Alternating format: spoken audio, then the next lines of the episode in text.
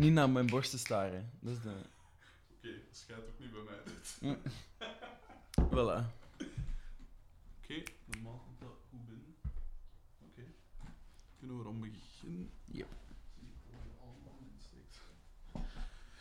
Ja, oké.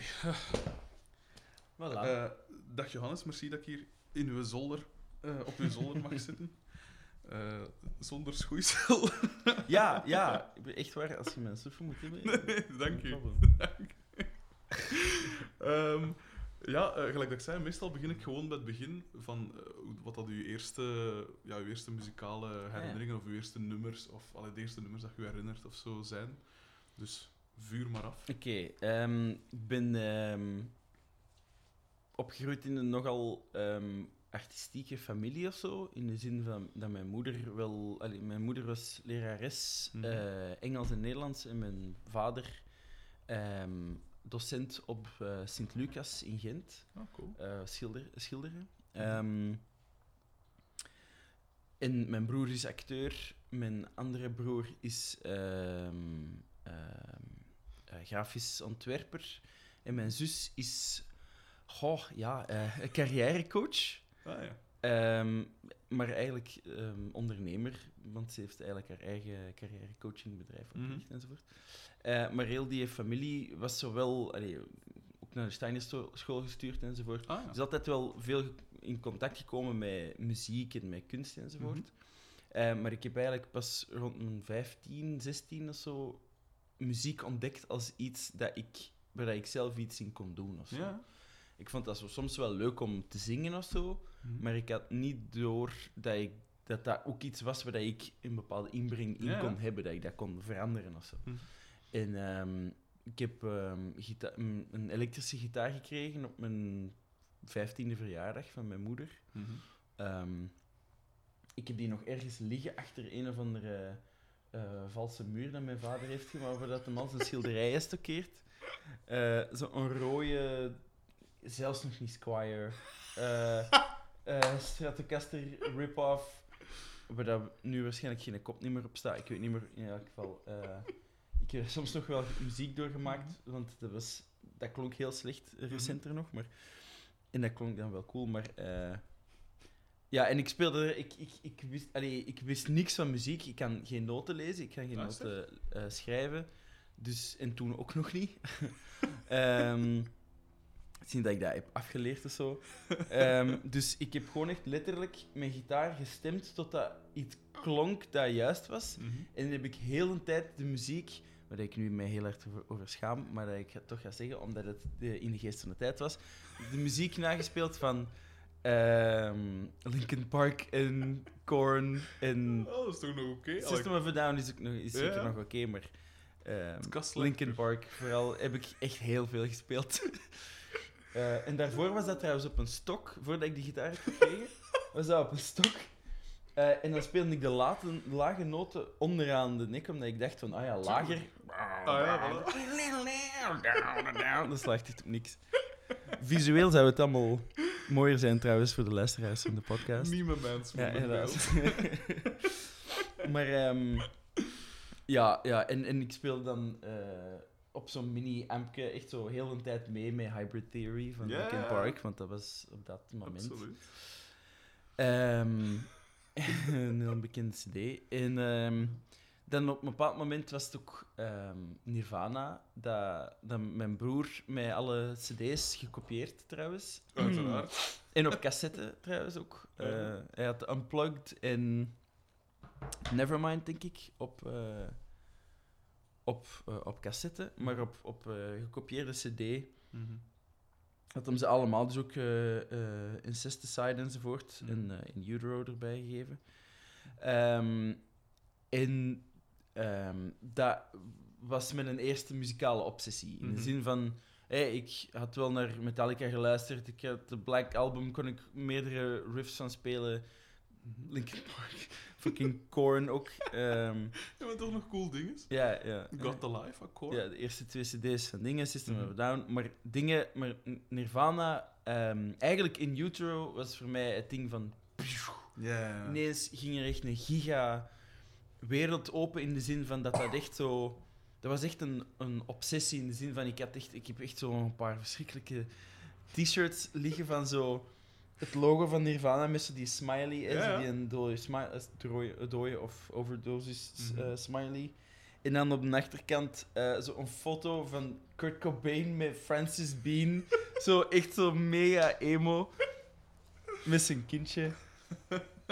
Ehm, echt de lelijkste t-shirt, zeg je maar uit. En ik had, allee, hè, ik had een zo lang haar en een. En ik zag eruit als de meest typische tiener enzovoort. Eh, en dat was echt, allee, dat, dat was echt zo heel mijn wereld. Hè, in de Mhm. zin van zo, hè, dan zo, kwam die een graphic novel uit rond 2004 was dat dan zo. Hè, Ja. de tienjarige remembrance van zijn dood. En ik weet nog dat ik zo met een vriend ehm eh, wiet had gerookt en geluisterd naar de Studio Brussel special daarover. Mhm. En dan zo hè, ehm, een kampvuur gemaakt en whatever. En dat is echt allee, heel leuk, heel leuk. Want dat was dan ook een drummer, ik kon dan heel veel muziek Uh-huh. mee maken. En dan op een bepaald mom- moment de Pixies ontdekt. En de Pixies zijn eigenlijk het moment dat ik dacht van ik wil ook muziek maken. Mhm. In de zin van, ehm, dit is zo speciaal, zo goed, zo eigen, maar toch ook zo toegankelijk. Ja, Ehm, zeker. ik heb die CD, ehm, eigenlijk, die, hun, hun, hun eh, werkelijke CD's heb ik later pas uit, uitvoerig beluisterd. En ken ik nu wel allemaal uit mijn hoofd, maar Mhm. daarvoor was het echt Death to the Pixies, zo die, die compilatie-CD, de Best Mhm. of. Ja, ja. Eigenlijk vind ik een betere CD dan Wave of Mutilation, omdat er ook heel veel live dingen op bij stonden. Ah, nee, ik heb Wave of Mutilation. Ja, Ja, die, dus, dus wanneer Dat is is dat? een ding, hè? 2007 of zoiets? zoiets. Maar die een, Death to the Pixies uit ja, de jaren 90, denk ik nog. Hè? Ah ja. Echt een- paar jaar nadat ze gesplit waren. Mm. En dat is denk ik met de single-versie van Gigantic, zo met de... Dun, dun, dun, en niet de... Van, van eh, wat is het? Come on Pilgrim? Of... Ja. Ja, in elk geval. Surferosa, ik denk het. Ja, ik weet niet goed. Eh niet een uit. van die twee. Ehm, en die cd heb, heb ik... Allee, die luisterde ik toen ik ging slapen. Ik zette die op wanneer dat ik op moest, eh, op moest staan. Eh, dat begon met die baser, dus dat meteen zo... Nee. Eh. Eh, en dan heb ik eigenlijk de, de- het gevoel gehad van... Ja, ik wil, ik wil muziek maken. Ik wil zelf muziek maken. Ik denk dat ik dat kan. Ingeschat van de technische ingewikkeldheid van de Pixies-nummers. Dat eigenlijk heel, heel goed meevalt. Ja, inderdaad. Ehm, maar... Mag ik mij ook wel pakken trouwens? Ja, eh, oh ja, tuurlijk. Een een gastheer. Dat is niks. Dat is niks. Mm. Ehm, ja, en, en ehm, dan eigenlijk ehm, met, met klasgenoten eigenlijk. eh de Andrew, die kende ik Mhm. toen eh, via, via de school. Die zat eh, een jaar lager dan mij. Dan ben ik blijven zitten, zat ik in dezelfde klas. Dat, is wel, dat is wel handig. Dat kennen. En dan heb ik zo een beetje gitaar leren spelen. ehm, met ja, Nirvana-covers en eh, Pixies-covers. Mhm. Ehm, de eerste show dat we hebben gedaan met Leaf People heette dat toen. Mhm. eh, hebben we drie of vier ei- eigen instrumentale nummers gespeeld. En Where Is My Mind. Cool. Ehm, van dat optreden, daar heb ik zelfs nog een video van enzovoort. Uh-huh. Ehm, en we werden toen ook zo eh, op een videocassette gezet en dan zo eh, een, artwork voor gemaakt en zo op mijn, mijn computer met het programma Picture It Oh. Ja, ja, ja. In the days before Mac. Echt high-end Nee. stuff ja, echt high-end shit. Ehm en ehm, eh, ja, dus, dus eh, die Pixies dingen, dat was, was zeer, zeer, zeer invloedrijk. Ehm, en dan na een tijdje ook gemerkt van... We zijn hier maar instrumentale nummers aan het maken. En ik, en ik was...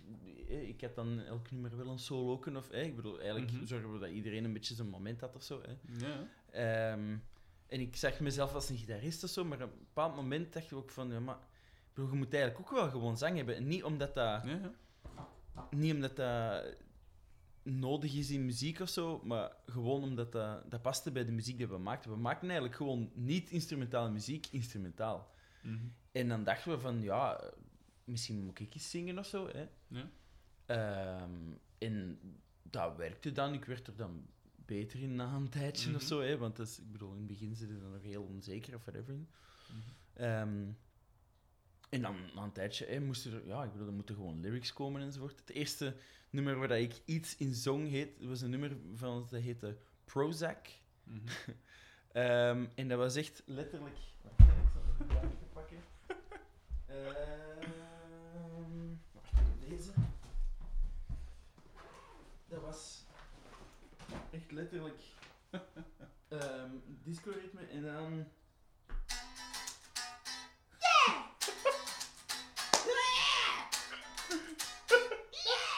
Dus dat bleef heel de tijd doorgaan. En daar hebben we echt zo een nummer van, van 9 minuten of zo rondgebouwd. Sterke tekst. Nee, maar met, met constante afwas- afwisseling Ah, ja, eigenlijk. En, met een spoken word stuk enzovoort. Oh. Dat is eigenlijk wel heel cool. William Ehm, Shatner achterna. Eh, ja, ja, en met, ja, met koordingen, zo heel, heel, heel vreemd, heel weird. Zo een beetje Zappa-achtig, Ah, ja.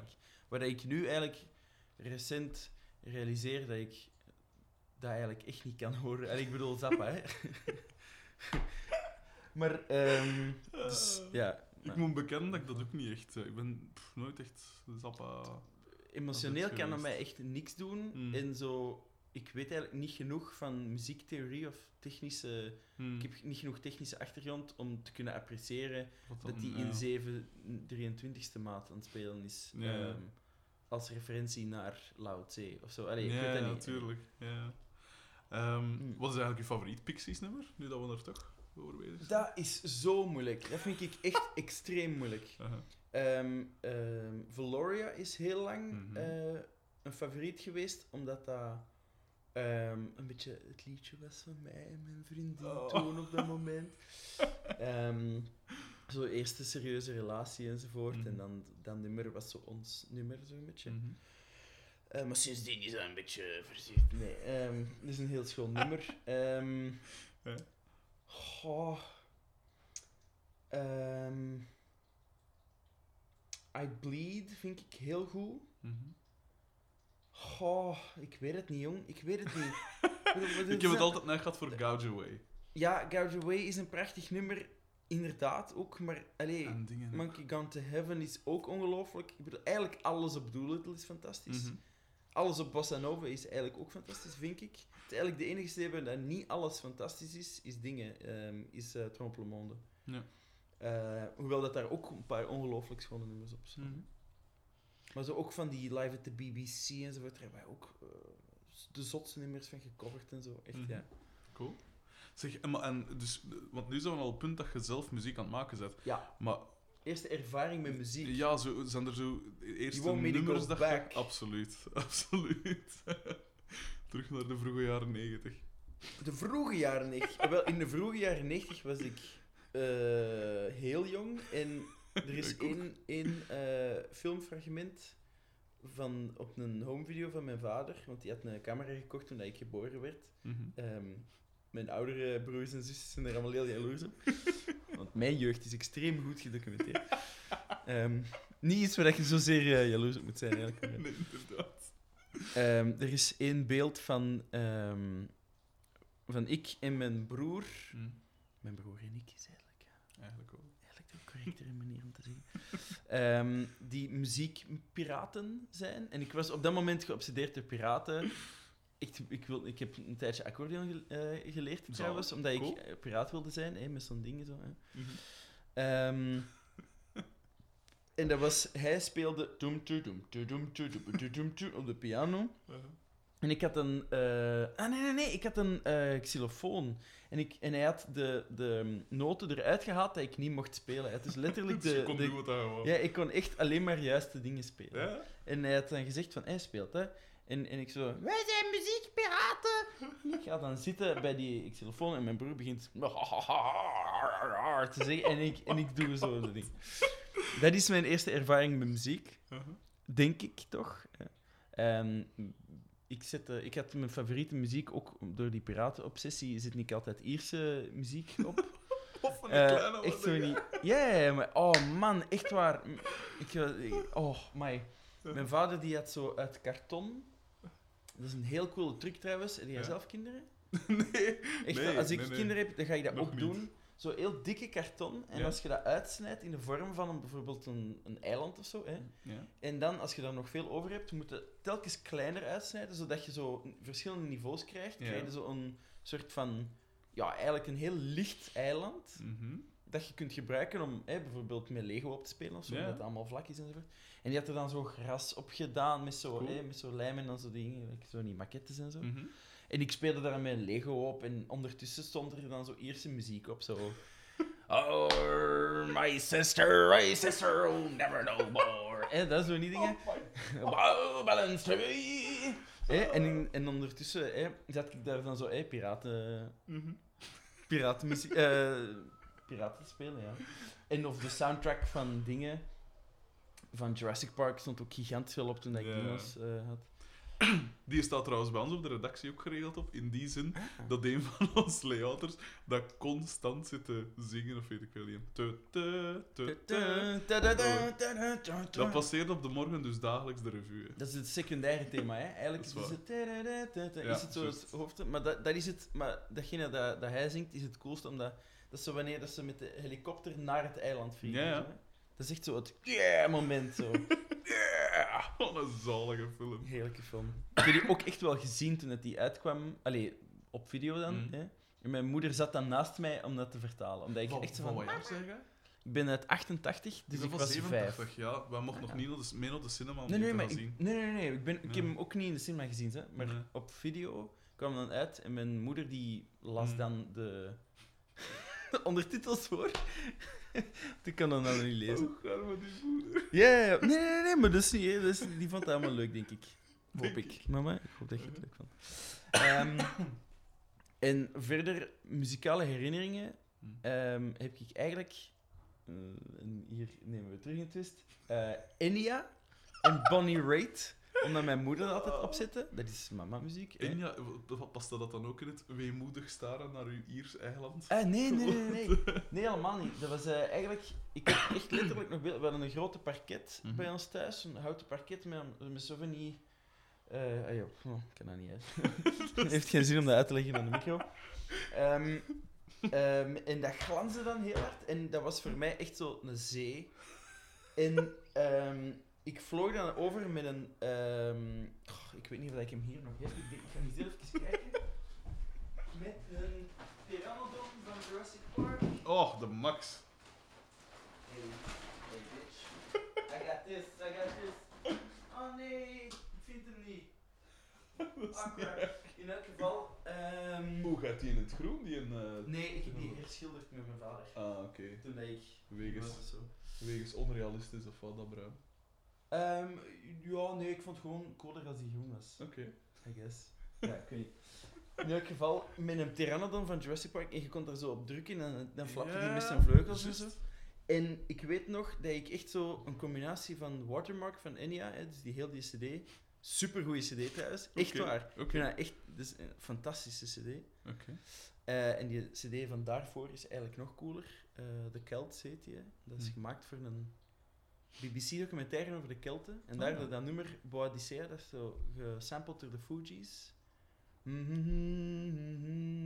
Ah, ja. Dat is Ah, van ja. Enya. Cool. Dat is een van de meest dreigende new wave synth-achtige dingen dat er zijn. Dat is super cool. Ik zal je straks eens laten horen, dat is echt heel cool. En dat gaat over Boadicea, de Keltische warrior queen die de Romeinen De versloeg. Ehm dat en Bonnie Raitt. En dat is zo een blanke blueszangeres Ja, ja. zangeres met een zwaar drugprobleem dat, eh, Mhm. dat er dan niet over geraakt. En dat, is zo.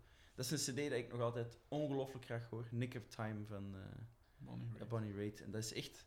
Dat is prachtig schone muziek. En dat is, eh, die, heeft, ja, die heeft er een Grammy mee gewonnen, denk ik. Dat is heel kitscherig. en dat is echt zo...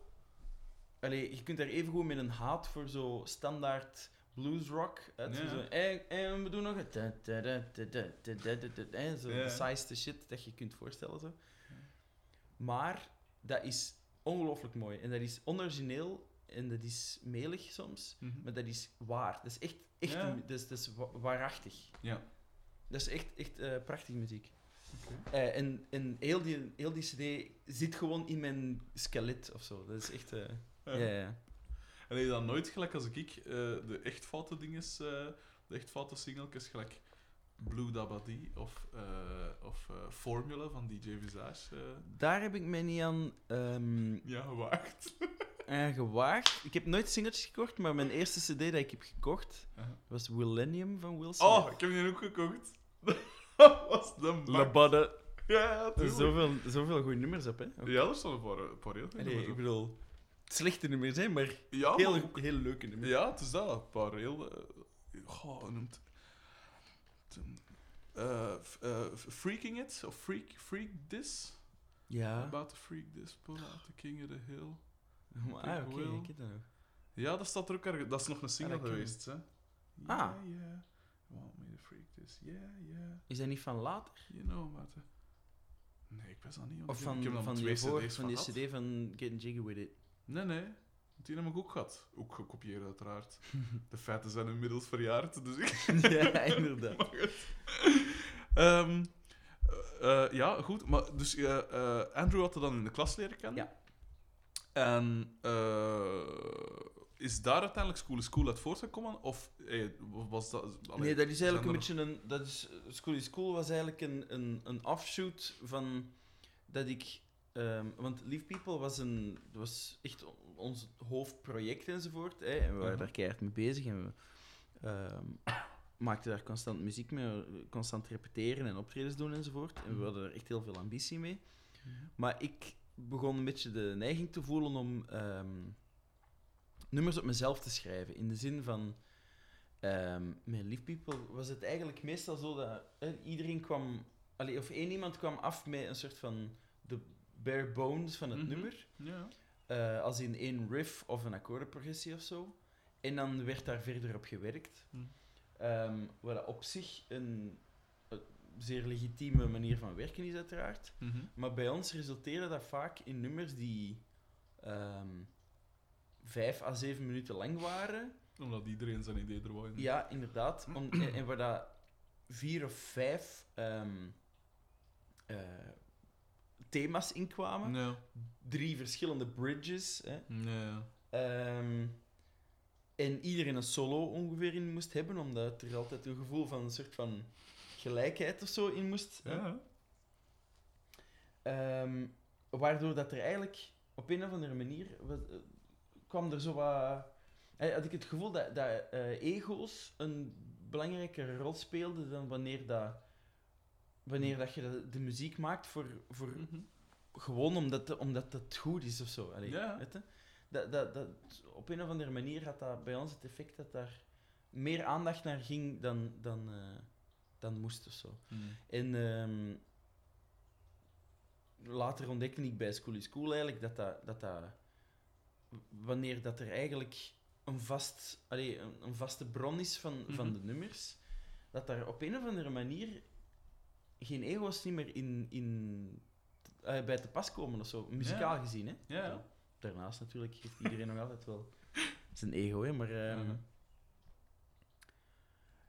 ja, dat, eh, en dat was eigenlijk, bij School is School was dat een heel verfrissende manier om te werken bij mij eigenlijk. Omdat ik ten eerste had ik niet gedacht dat ik dat ging kunnen om volledige nummers te schrijven, te hoor. Laat staan dat mensen dat zouden kunnen Appreciëren. appreciëren, ja, echt gewoon. Totaal. Allee, dat was een complete verrassing voor mij. Mhm. Ehm, maar ja. ja. En daarvoor heb ik eigenlijk ook nog in... allee, op dat moment trouwens, speelde ik daar toen ook nog bij. ehm, echt een folkgroep. Zo niet Ierse folk, niet... Getting drunk and losing my wife. Fucking the sheep. Maar dat was niet zo. Nee, dat was zo eerder zo. eh,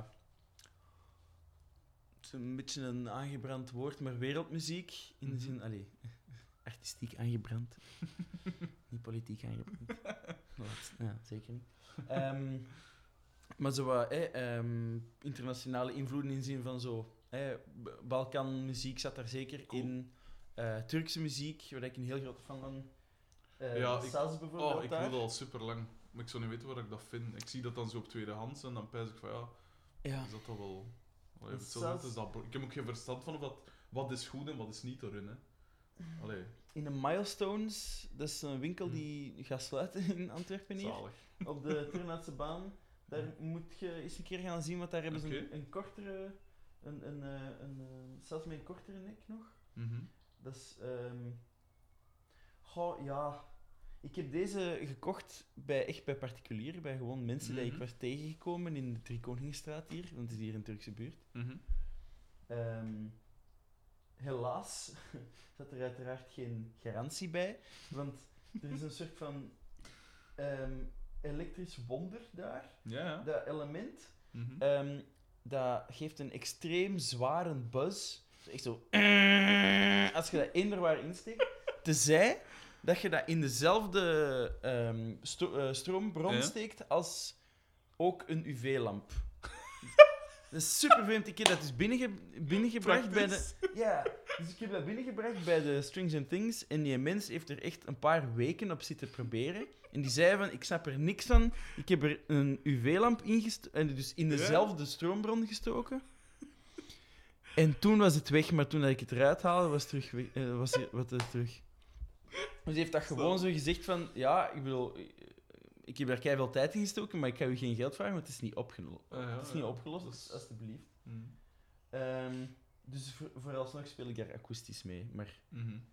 dat is een prachtig instrument. Ja. Ehm, Ik ken het voor Ja. zo'n Oosterse dingen. Deze ding is hier trouwens ook. eh, ja, dat is, wacht hè, de, de verste daar, Ja. dat is een bouzouki. Dat is een Griekse bouzouki, Mhm. maar waarschijnlijk van een of ander Duits merk. Ehm, ehm, die Ridgewood eh Ja. octaafmandoline, dat is wel eh, eerder zo Ierse Mhm. stijl. Cool, Ehm, cool, cool, cool. Dat is gewoon een mandolineke daar. Ja. Wacht, hè. Daar, die een zwarte tas dat daar staat, Ja. dat is een Persisch instrument. Dat is Oh. een setar. Dat is niet sitar. Dat is altijd, Nee, mensen zijn altijd teleurgesteld als ik dat uitpak. en dat ze denken dat dat een of andere sitar zou zijn, maar dat is een setar. Dat is een klein dingetje dat hebben we gebruikt onder andere op On the Beach of Honolulu van onze eerste CD. Oh, zoiets cool. Heel cool. Oei. Ja, ik heb, verzetbare er ook een verzetbare fret. Ja, ja, ja, dus bij, een- bij een sats ook. Ja, ja. Je kunt die loslaten, ja, losmaken en dan... eh, Dat is letterlijk Zo'n gewoon touwen zo. Oh,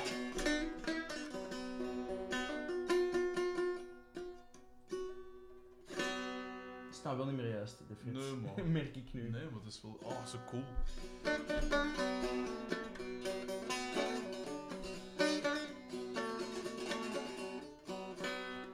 Super cool. Ja, dat is tof. Dat is, Hmm. eh, dat is dus een neg- negende eeuws Dat maakt... Persisch instrument. Genaamd de setar. Nee, nee. Ehm, ja, negende eeuws. Hoe, en waar haalden die dingen dan allemaal? Want... Dat is uit de Milestones. Dat heeft mijn vriendin mij Ah, als ja. verjaardagscadeau gekocht. Cool. For which I'm eternally grateful trouwens. Zal wat een verjaardagscadeau. Hmm. Ehm, oh, ja, wat heb ik nog allemaal staan? Banjoline daar. Hmm. Bij mijn vader staan ook nog een paar dingen. Ah ja, Viola da Gamba. Ja. maar dat is iets minder, Waarom niet? iets minder etnisch natuurlijk. Dat is een eh, Uh-huh. Barok instrument. Dat heb ik met zeer veel geluk op de kop kunnen tikken Hmm. op een online veiling. Mhm. Cool. Ja, Ja, mijn huis staat maar- ook vol met... En ik kan het me ook nooit laten, eigenlijk onlangs met met een termin aangeschaft. Allee, zo'n Mm. e-termin, hè. Geen, geen echte termin, maar Mm. ik vind dat gewoon zo cool, omdat het Ja. dus niet moet aankomen, hè. Dat, Nee, gewoon dat idee alleen al, dat dat, dat zo'n instrument is waar je niet moet aankomen. Maar ja, al die instrumenten waar je zo constant moet zitten aankomen en zo, dat is... dat is toch ook echt... Allee... Zeg... Flauw. Ja, en ik wou, Nee, ik wou doe per dat. se dat dingen van Midsummer Murders kunnen spelen, dus ik dacht, ik moet een... Hoe gaat dat nu weer? Eh, Ah, je zo, ja, Ja, dat is kei leuk. dat is heel bekend ook, hè. ja. Zo, is zoiets Zoiets, heel... ja.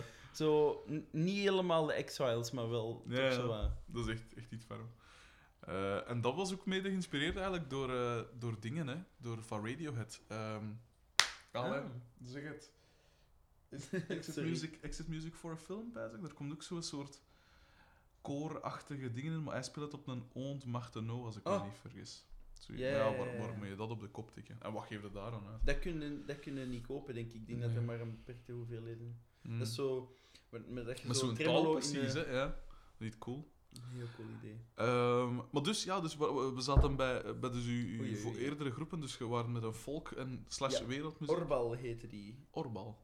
En dat was ehm, eigenlijk begonnen omdat eh, ik een nieuw eh, lief had ontmoet. En dat was een dwarsfluitiste en die speelde bij een volkgroep.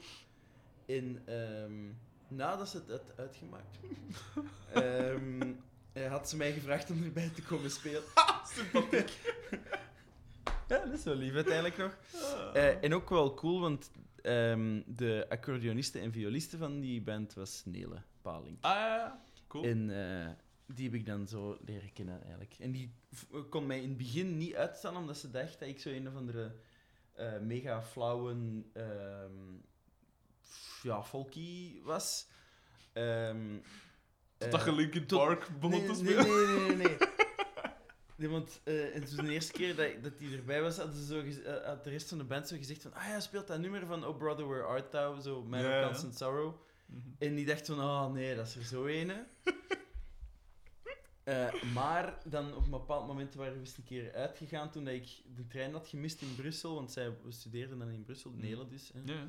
Ehm, en dan had ik, eh, zaten we op café en had ik gezegd van, ah, zou ik misschien een sigaret mogen opsteken? En dan zei ze van, ah, jij bent een coole. Zo gemakkelijk gaat dat dus. Ja, dat is, dat is, eh, in die tijd was dat nog een teken van cool zijn. Ehm, blijkbaar. Uh-huh. Ehm, ja, en sinds, sindsdien dan zijn we eigenlijk ook gewoon een band begonnen eh, Mhm. samen. Lions and Lambs heette dat. Mhm. En dat was zo wat singer-songwriter. Beirut Hm. meets... Ik weet eigenlijk niet. Sufjan Stevens of zo. zo Cool. Tof. Die een invloed. Ehm, ja, op dat moment was ik ook echt giga-Balkan fan. Maar niet zozeer die een Terecht. dans-Balkan. Ik ben wel- veel naar die feestjes geweest, maar zo... Een paar van zo die echte bands, zo eh Taraf de Hajdux is eigenlijk het beste voorbeeld van. Dat is een Roemeense band. Ehm, ja, band. Instituut is het eigenlijk. Het is echt een instituut, want ik bedoel, alle originele leden zijn al dood. En echt gewoon al dood. Gestorven ofwel aan overdadig eh, alcohol of eh sigarettengebruik, ofwel Amai. allee, letterlijk door Ceausescu. eh, Ik ging nog zeggen, Ja, te ja. lachen. ja, Ceausescu, maar de, de maar dus- meerdere klaagnummers over, over Allee, eh, man. Ceausescu. Dat is een echt een heel cool band. en Die, hebben echt, die spelen met een snelheid dat echt extreem is. Dat is echt virtuoos tot in, een, tot in het, het, het Ja. irritante of zo. Weet je? Echt zo, stop met zo geniaal te zijn. Zo. Uh-huh. Ehm, ja, daar was ik een gigantische fan van. En, ja, ik bedoel, de, het, het idee van, van wereldmuziek als zijnde muziek uit ehm, Mhm. Verschillende eh land, allee, uit verschillende werelddelen. Ja, En niet gewoon een soort van amalgaam met een djembe en dreadlocks, wat ik haat. Ehm, terecht. Maar zo dat, dat, dat volksmuziek van over de hele wereld en volksmuziek, inspirerende muziek, Hm. vind ik iets ongelooflijk waardevol en vind ik echt extreem belangrijk en supergoed. Eigenlijk, allee, supergoed. Je kunt dat moeilijk zeggen. Alles dat niet Anglo-Saxisch is, vind ik goed. Zo. Ja. Maar aan de ene kant eh, verdient het wel meer aandacht zo. En aan de andere kant ehm, blijven er maar geniale figuren uitkomen. Nusrat Fatih Ali Khan bijvoorbeeld, Mm. dat is een Pakistaanse Sufi-zanger. Cool. Eh, wordt gezien eigenlijk als de, de beste zanger ooit, eigenlijk. Letterlijk, omdat hij... Dat was een enorm dikke man. Die is denk ik in, zijn, in de 50 gestorven aan een Mhm. hartaanval, denk ik. Omdat hem gewoon echt te, te zwaar was, te dik was. Ja, ja, dat is echt... ehm, one too many curries of zo, waarschijnlijk. Hè? Ehm, maar die mens heeft op het eh, wereldmuzieklabel van Peter Gabriel... Cool. eh, Real World heette dat. Hè? Real World. Hè? Ehm, denk ik onder hetzelfde ding van, hè, van echte wereldmuziek. Ja, ja. Heeft hij een paar onvoorstelbaar knappe cd's uitgebracht. En dat is dan allemaal religieuze muziek, allemaal met een, met dus een Sufi-ensemble. Dat is dus Hm. ehm, harmonium, tablas en acht zingende mannen. Mhm. En dan krijg je een soort van mm, bourdon-achtige dingen. En dan Ja. begint hij daar zo extreem hoog op te, te improviseren. Echt, oh, dat je denkt van, dat is echt, die mens heeft bovennatuurlijke stembanden. Dat is echt Nusrat Fatih Ali Maar en, en allee, is dan gewoon zijn bereik? Of is dan... Allee, Ja, bereik, onder andere. dan? De, het is eigenlijk, eigenlijk hetgene dat een Django Reinhardt ehm, apart zet, iets dat een Louis Armstrong apart Mhm. eh, allee, eh, onderscheidt. Iets dat iemand gelijk in een Fatih Ali Khan eh, onderscheidt. Het is niet per se het bereik of de Ja, technische tuurlijk, nee. mogelijkheid. Het is letterlijk de keuze tijdens improvisatie. Eh, eigenlijk de, de, de mogelijkheid om zonder enige voorbereiding of zonder, zonder dat te gaan zitten componeren en daarover Mhm. te zitten nadenken, geniale micromelodieën te creëren eigenlijk. Hè. En dat is wat je doet. Die heeft een foutloze plaatsing van noten. In de zin van soms doet hij dingen dat je denkt van what? Dit is super vals. Alleen niet vals, ja. maar zo eh, dissonant. En dan geeft hij daar een halve noot en een draai aan en dan wordt hij ineens zo... Dat je zo...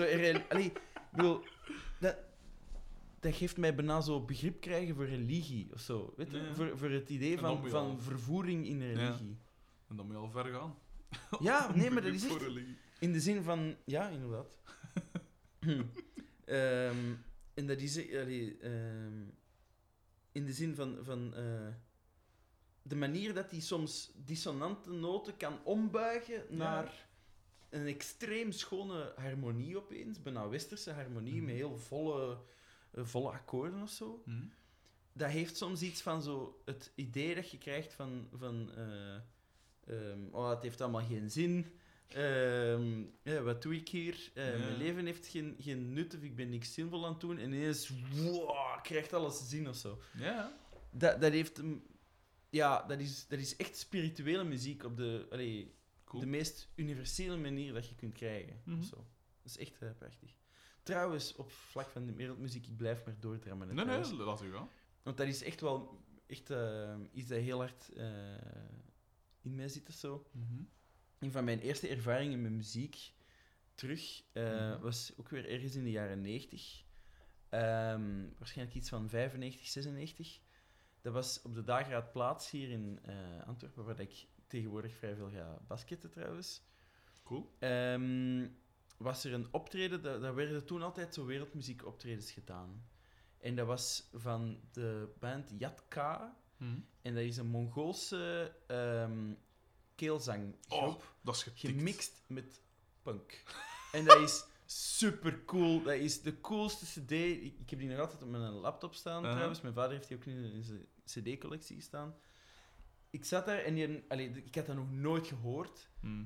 Echt waar, ik ben er jaren niet goed van geweest dat ik zo, dat zo op de speelplaats stond en zo Te oefenen. aan het proberen zo van hoe doen, hoe doen, dat ik zo alleen ging staan en zo. Dat is zot. Wacht, ik kan, ik kan het, allee, ik, ik, heb zo'n beetje, maar het is mega, mega schadend voor je stem, hè.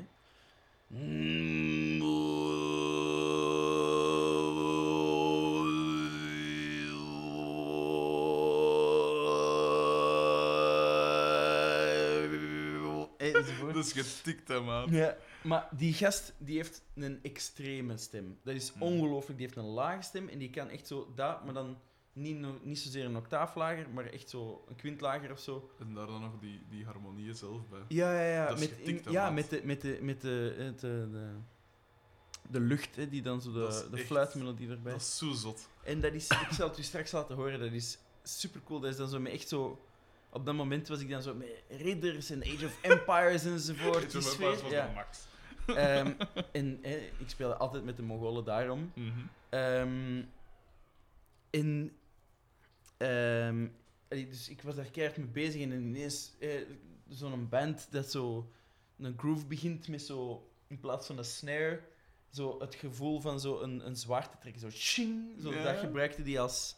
Die, er was dan iemand met een, met, een, met een mes of zo en die deed dan... Die zat, ching, die zat en ondertussen zo...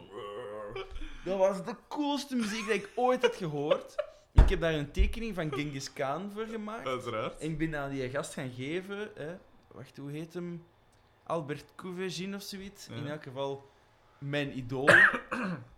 Ehm, die speelde vroeger bij Hun Hoort Toe. En Hun Hoort Toe is zo de, de supergroep van de dingen. Dus waar de bijna alle ehm, keel, allee, prominente keelzangers vandaan komen. En dan Cool. worden, komen daar nieuwe bij spelen.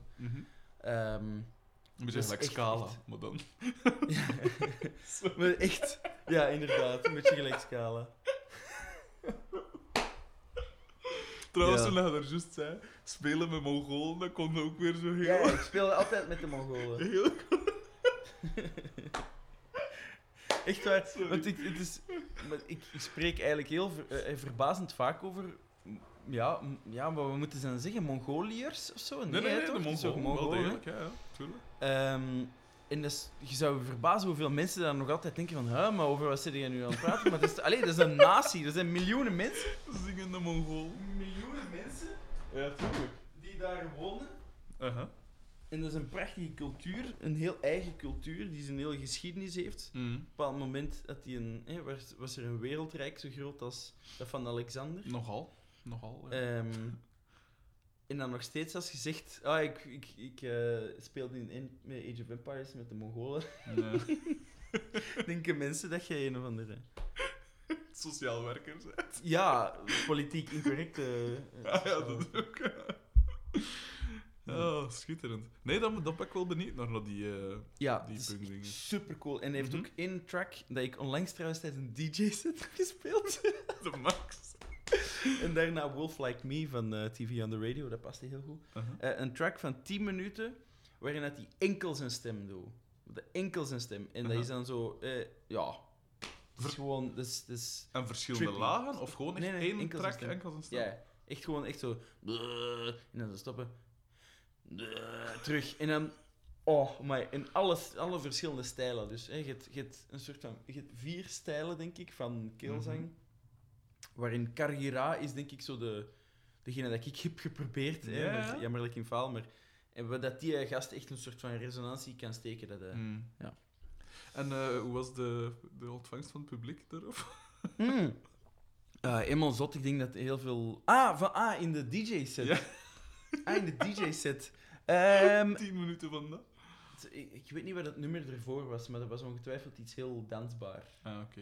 Dus dat was dat waarschijnlijk even... Maar we hebben niet tien minuten laten, laten spelen, hè. We hebben dus, dus zo een minuut of twee... Uh-huh. En dan na een tijdje zo die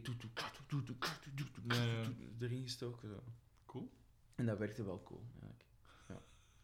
En hoe zijn je dan uiteindelijk tot de, tot de vorming van School is School gekomen? Want je, je had er nu verschillende... Ja, mijn verhaal is niet echt lineair, hè, duidelijk. Nee, nee, nee, ehm, nee ah, wel. ehm, ja, ik had gewoon echt heel veel zin om, om zelf muziek op mezelf te maken. Mhm. En ik had ook eigenlijk... ben echt niet per se zo'n een, een Mac-fanboy of zo, maar ik Mhm. heb toen een Mac gekocht, een MacBook Pro. Mhm. En daar heb ik GarageBand leren kennen. Mhm. En daarvoor werkte ik altijd zo met Audacity. En dat is echt het stoemste programma. Het- Ja. Echt zo de equivalent van Paint. Hè? Juist. Met minder mogelijkheden trouwens. Ehm, en, Ik ken het. En toen ik GarageBand ontdekte, ontdekte, was dat ineens zo van... Wow, ik kan alles opeens. Ik kan Ja. echt letterlijk alles. Ik kan drums doen, ik kan bas spelen, ik kan dingen, Ja. ik kan allemaal in... Oh man, ik vond het ongelooflijk. Mhm. Ehm, en toen heb ik eigenlijk een soort van persoonlijke renaissance meegemaakt van zo, wow, ik kan eigenlijk gewoon echt wel nummers maken. En Mhm. eigenlijk het eerste nummer, eigenlijk heb ik School is Cool bijna opgericht voor In Want to Something. Om, om, om een band te hebben om dat Ja. nummer iets mee te gaan doen. Mhm. Om hem iets met dat nummer te gaan doen. En dan heb ik School is Cool op eh, MySpace gezet, want, you know, Toen was dat nog. it was 2009. Ehm, en, en ik had dat eigenlijk gewoon als een soort van... Ik was op dat moment aan het studeren. En ik hield mij zo tijdens de examens altijd meer bezig met nummers schrijven dan, dan met studeren ik. eigenlijk. Want op een of andere manier, als je heel veel eh, ingewikkelde eh, lectuur in je hoofd cramt, Mhm. dan kakt je gewoon heel veel muziek uit, blijkbaar. En dat was dus bij mij ook zo. Ehm, en op dat moment, ja, in een soort van ironische bui, had ik School is Cool als titel van de MySpace gepakt. Voor je het weet. Ja. En, ehm, en inderdaad, dan, eh, dan hadden we besloten om mee te doen aan dingen, aan eh Verpand, Verpand Pop hier in Antwerpen. Mhm. Ehm, dat trouwens nu voorbij is, wat heel shitty is, maar er komt vervanging. Dat is wel int- interesting. Dus een competitie, eh allee, een, een pop-concours. Mhm. Ehm, en ik heb me ervoor ingeschreven, maar ik heb nog geen bandleden. En allee, ik wist van, ja, ik zal Andrew wel pakken als drummer. Ehm, sowieso, eh, want die vond die muziek dan ook goed. Dus dan, eh, eh, Mhm. En dan eh, uiteindelijk, eh Matthias kende ik van in filosofie. Die was echt letterlijk ehm, erbij gekomen halverwege het jaar. Hij was overgestapt van rechten, want dat vond hem niet interessant genoeg. En Mhm. eh, filosofie is hem trouwens nu nog aan het doen, is een thesis cool. aan het afmaken. Ehm, Ik heb het altijd willen doen, maar ik pff, ben er niet meer toe gekomen. Ik was schoolmoe op mijn 16 of zo. hm, Dus ik was dan taal letterkunde gaan doen, maar dat was Hm. dan ook weer te, te... Ik wou zo die boeken lezen, van die, die boekenlijst maar die was toen Ja. afgeschaft. dat Hm. jaar. Misschien dat ze hem nu alweer eh terug eh, ge- ge- ge- gebracht hebben, maar... En dan dacht ik, ja, grammatica had er ook precies niet zoveel zin in. nee. Dat ik journalistiek gaan doen. En, en ik dacht, misschien moet ik ooit, ga ik ooit nog filosofie doen, maar dan dacht ik... Filosofie is ook nog iets dat je kunt doen wanneer je gepensioneerd bent. De helft van de mensen... Nee, maar, nee, maar echt waar. Maar dat is echt... eh, je zit dan wel minder ehm, open voor, voor Hmm. nieuwe gedachtenstromen, maar aan de andere kant zijn er wel minder vatbaar voor zo ra- radicaal zijn daarin, of zo. Er is wel meer de, die ingesteldheid van zo'n relatief, relativering. De helft van de leerlingen, allee, van de studenten bij ons, waren, waren gepensioneerd trouwens. Heb je dat gans uitgezongen, de filosofie? Nee, nee. Ah. Dat is, dat is eh, iets waar ik wel heel, spijt, heel veel spijt van heb, maar... eh, Natuurlijk, In, ehm, uw kansen op de arbeidsmarkt zijn min of meer hetzelfde. Ja, ja, inderdaad. Ja. Ik bedoel, het zou niet echt veel hebben geholpen. Hè? Nee. nee, inderdaad. Uh-huh. Nee, maar het is wel het is zo wat gênant als je dan zo bijvoorbeeld een cv of zo opstelt. Dat je zo denkt van, nou, ik heb geen hogere studies, letterlijk. hè. Ik heb Goh, geen, ja. letterlijk geen hogere studies op mijn Mm. naam staan. Ik ben dat gestopt in, eigenlijk op, bijna op het einde van mijn derde bachelor, Hm. omdat het absoluut niet meer kon om te combineren met School is School. Hmm. Eh, ik heb in mijn laatste examenperiode heb ik één examen meegedaan. Hè, heb ik gezegd van oké, ik ga dat vak doen. En heb ik een 9 op gehad. en toen heb ik echt gedacht van fuck this shit. Allee, ik bedoel, ik weet wat ik wil doen in mijn leven. Ik weet wat ik... Mhm. Allee, in, in, ik bedoel, er worden, worden mij veel hints gegeven dat het wel gaat lukken of zo, om daar geld mee te gaan verdienen. Of Mhm. dan, allee, hè Hmm. Om daarvan te kunnen leven. Dus heb ik die keuze gemaakt. Ik heb daar wel echt heel veel spijt van, maar aan de andere kant, het is wel de juiste keuze geweest. Dus zo. Ja, ik zou, als ik in uw plaats ben, ik zou hetzelfde gedaan hebben. Helaas ben ik niet in uw plaats. ja. maar dus, je had Andrew en je had dan Ja. drummer. ja. Eh, maar en, dan, is- en dan Nele- heb ik hier ook bij gevraagd. Ehm, de eerste keer had ik haar gevraagd en had ze gezegd: Zeg, zit jij zot? Ik ga niet op het podium staan bij een band genaamd School is Cool. dat is echt waar, dat is echt waar. Eerste eh, potentieel optreden was zo op een, eh, een optreden van eh Poppunt. Zo, ehm, Mhm. je zo één nummer kon spelen en dan, dan, wordt, dan krijgen ze opnametijd. En ze Ja, was in Brussel ergens. Eh, hebben we mee meegedaan, maar oh, het is helemaal misgelopen. Structuur, structuur van het nummer. Het is dan You Want Something nog altijd. En heeft een vrij niet vanzelfsprekende structuur of zo. Mhm. Dus dat was dan helemaal eh, in het honderd gelopen. Dat was wel spijtig. Maar... ehm ehm, daar kon Nele zelfs niet bij zijn, omdat, eh, eh, omdat ze toen op vakantie was. En het was dan eigenlijk ook helemaal niet zeker dat ze nog in de band ging spelen. Maar uiteindelijk, echt zo twee of drie weken voor de voorronde, de eerste voorronde van Frappant, dacht ik van, nee, maar ja, ik bedoel, ik moet echt wel gewoon nog een band hebben. Dan heb ik ehm Nele gevraagd, Matthias erbij gevraagd, eh, en Michael de broer van eh, Andrew, die ook in Leaf People zat Mhm. eh, is aan bas komen spelen en backing vocals enzovoort. Ja. En ehm, ja, we hadden echt gewoon letterlijk in het begin, allee, bij de Rock Rally hadden wij een set van 20 minuten maximum. Ehm, omdat, ik bedoel, wij waren gewoon echt net begonnen. Hè. Ik bedoel, Mhm. die band bestond een maand of twee voordat wij ons hebben ingeschreven voor de Rock Rally. En ik had dat nooit gedurfd als die een frappant niet zo'n aangename ervaring was Mhm. geweest. Dat was wel gewoon echt heel aangenaam. Ja. Maar ehm, ja, dat was wel heel hard aanpassen. Zo ineens, zo ineens een set moeten beginnen spelen, die zomer dan. Hè? Ja, Een set van... Allee, hè, toch minstens drie kwartier zouden we moeten doen. Mhm. Aan een uur zijn we denk ik niet geraakt. Eh, ik ben nog altijd wel heel trots dat ik zoveel, zo snel zoveel nummers heb kunnen schrijven. Want wel. eh, sindsdien is dat niet meer zo, eh, zo vlot gegaan. Dat is echt, ja. Eh, en eh, wacht, hè. ik weet nog, ehm, want het is vandaar dat ik u in kleine, in bescheiden mate ken, is dat we, een, ik was een keer mee geweest met Alien Plants naar Londen. En jij, jij was daar toen ook bij. En ik weet nog dat ik me bepist heb van het lachen in het weer komen. Dat er was iemand, ik denk Ja. iemand van, van, van Keremos of zo. ja, ja, ja. Iemand, er was iemand mee alleszins en die was constant in slaap aan het vallen. Dat was, dat was uiteraard wel logisch na zo'n lange dag. Maar Andrew zat hier zo altijd te filmen. Ja, ja, ja. En als die dan zo weer zo even wakker werd, dan zat hij dat zo weg. En, altijd- er is iets aan iemand dat vredig in slaap aan het vallen is, dat gefilmd wordt, dat ik hilarisch vind. En, eh, maar, maar welk jaar was dat ongeveer? Was dat, waren we toen al lang bezig? Dat kan ik me Dat moeilijk was, voorstellen. denk ik,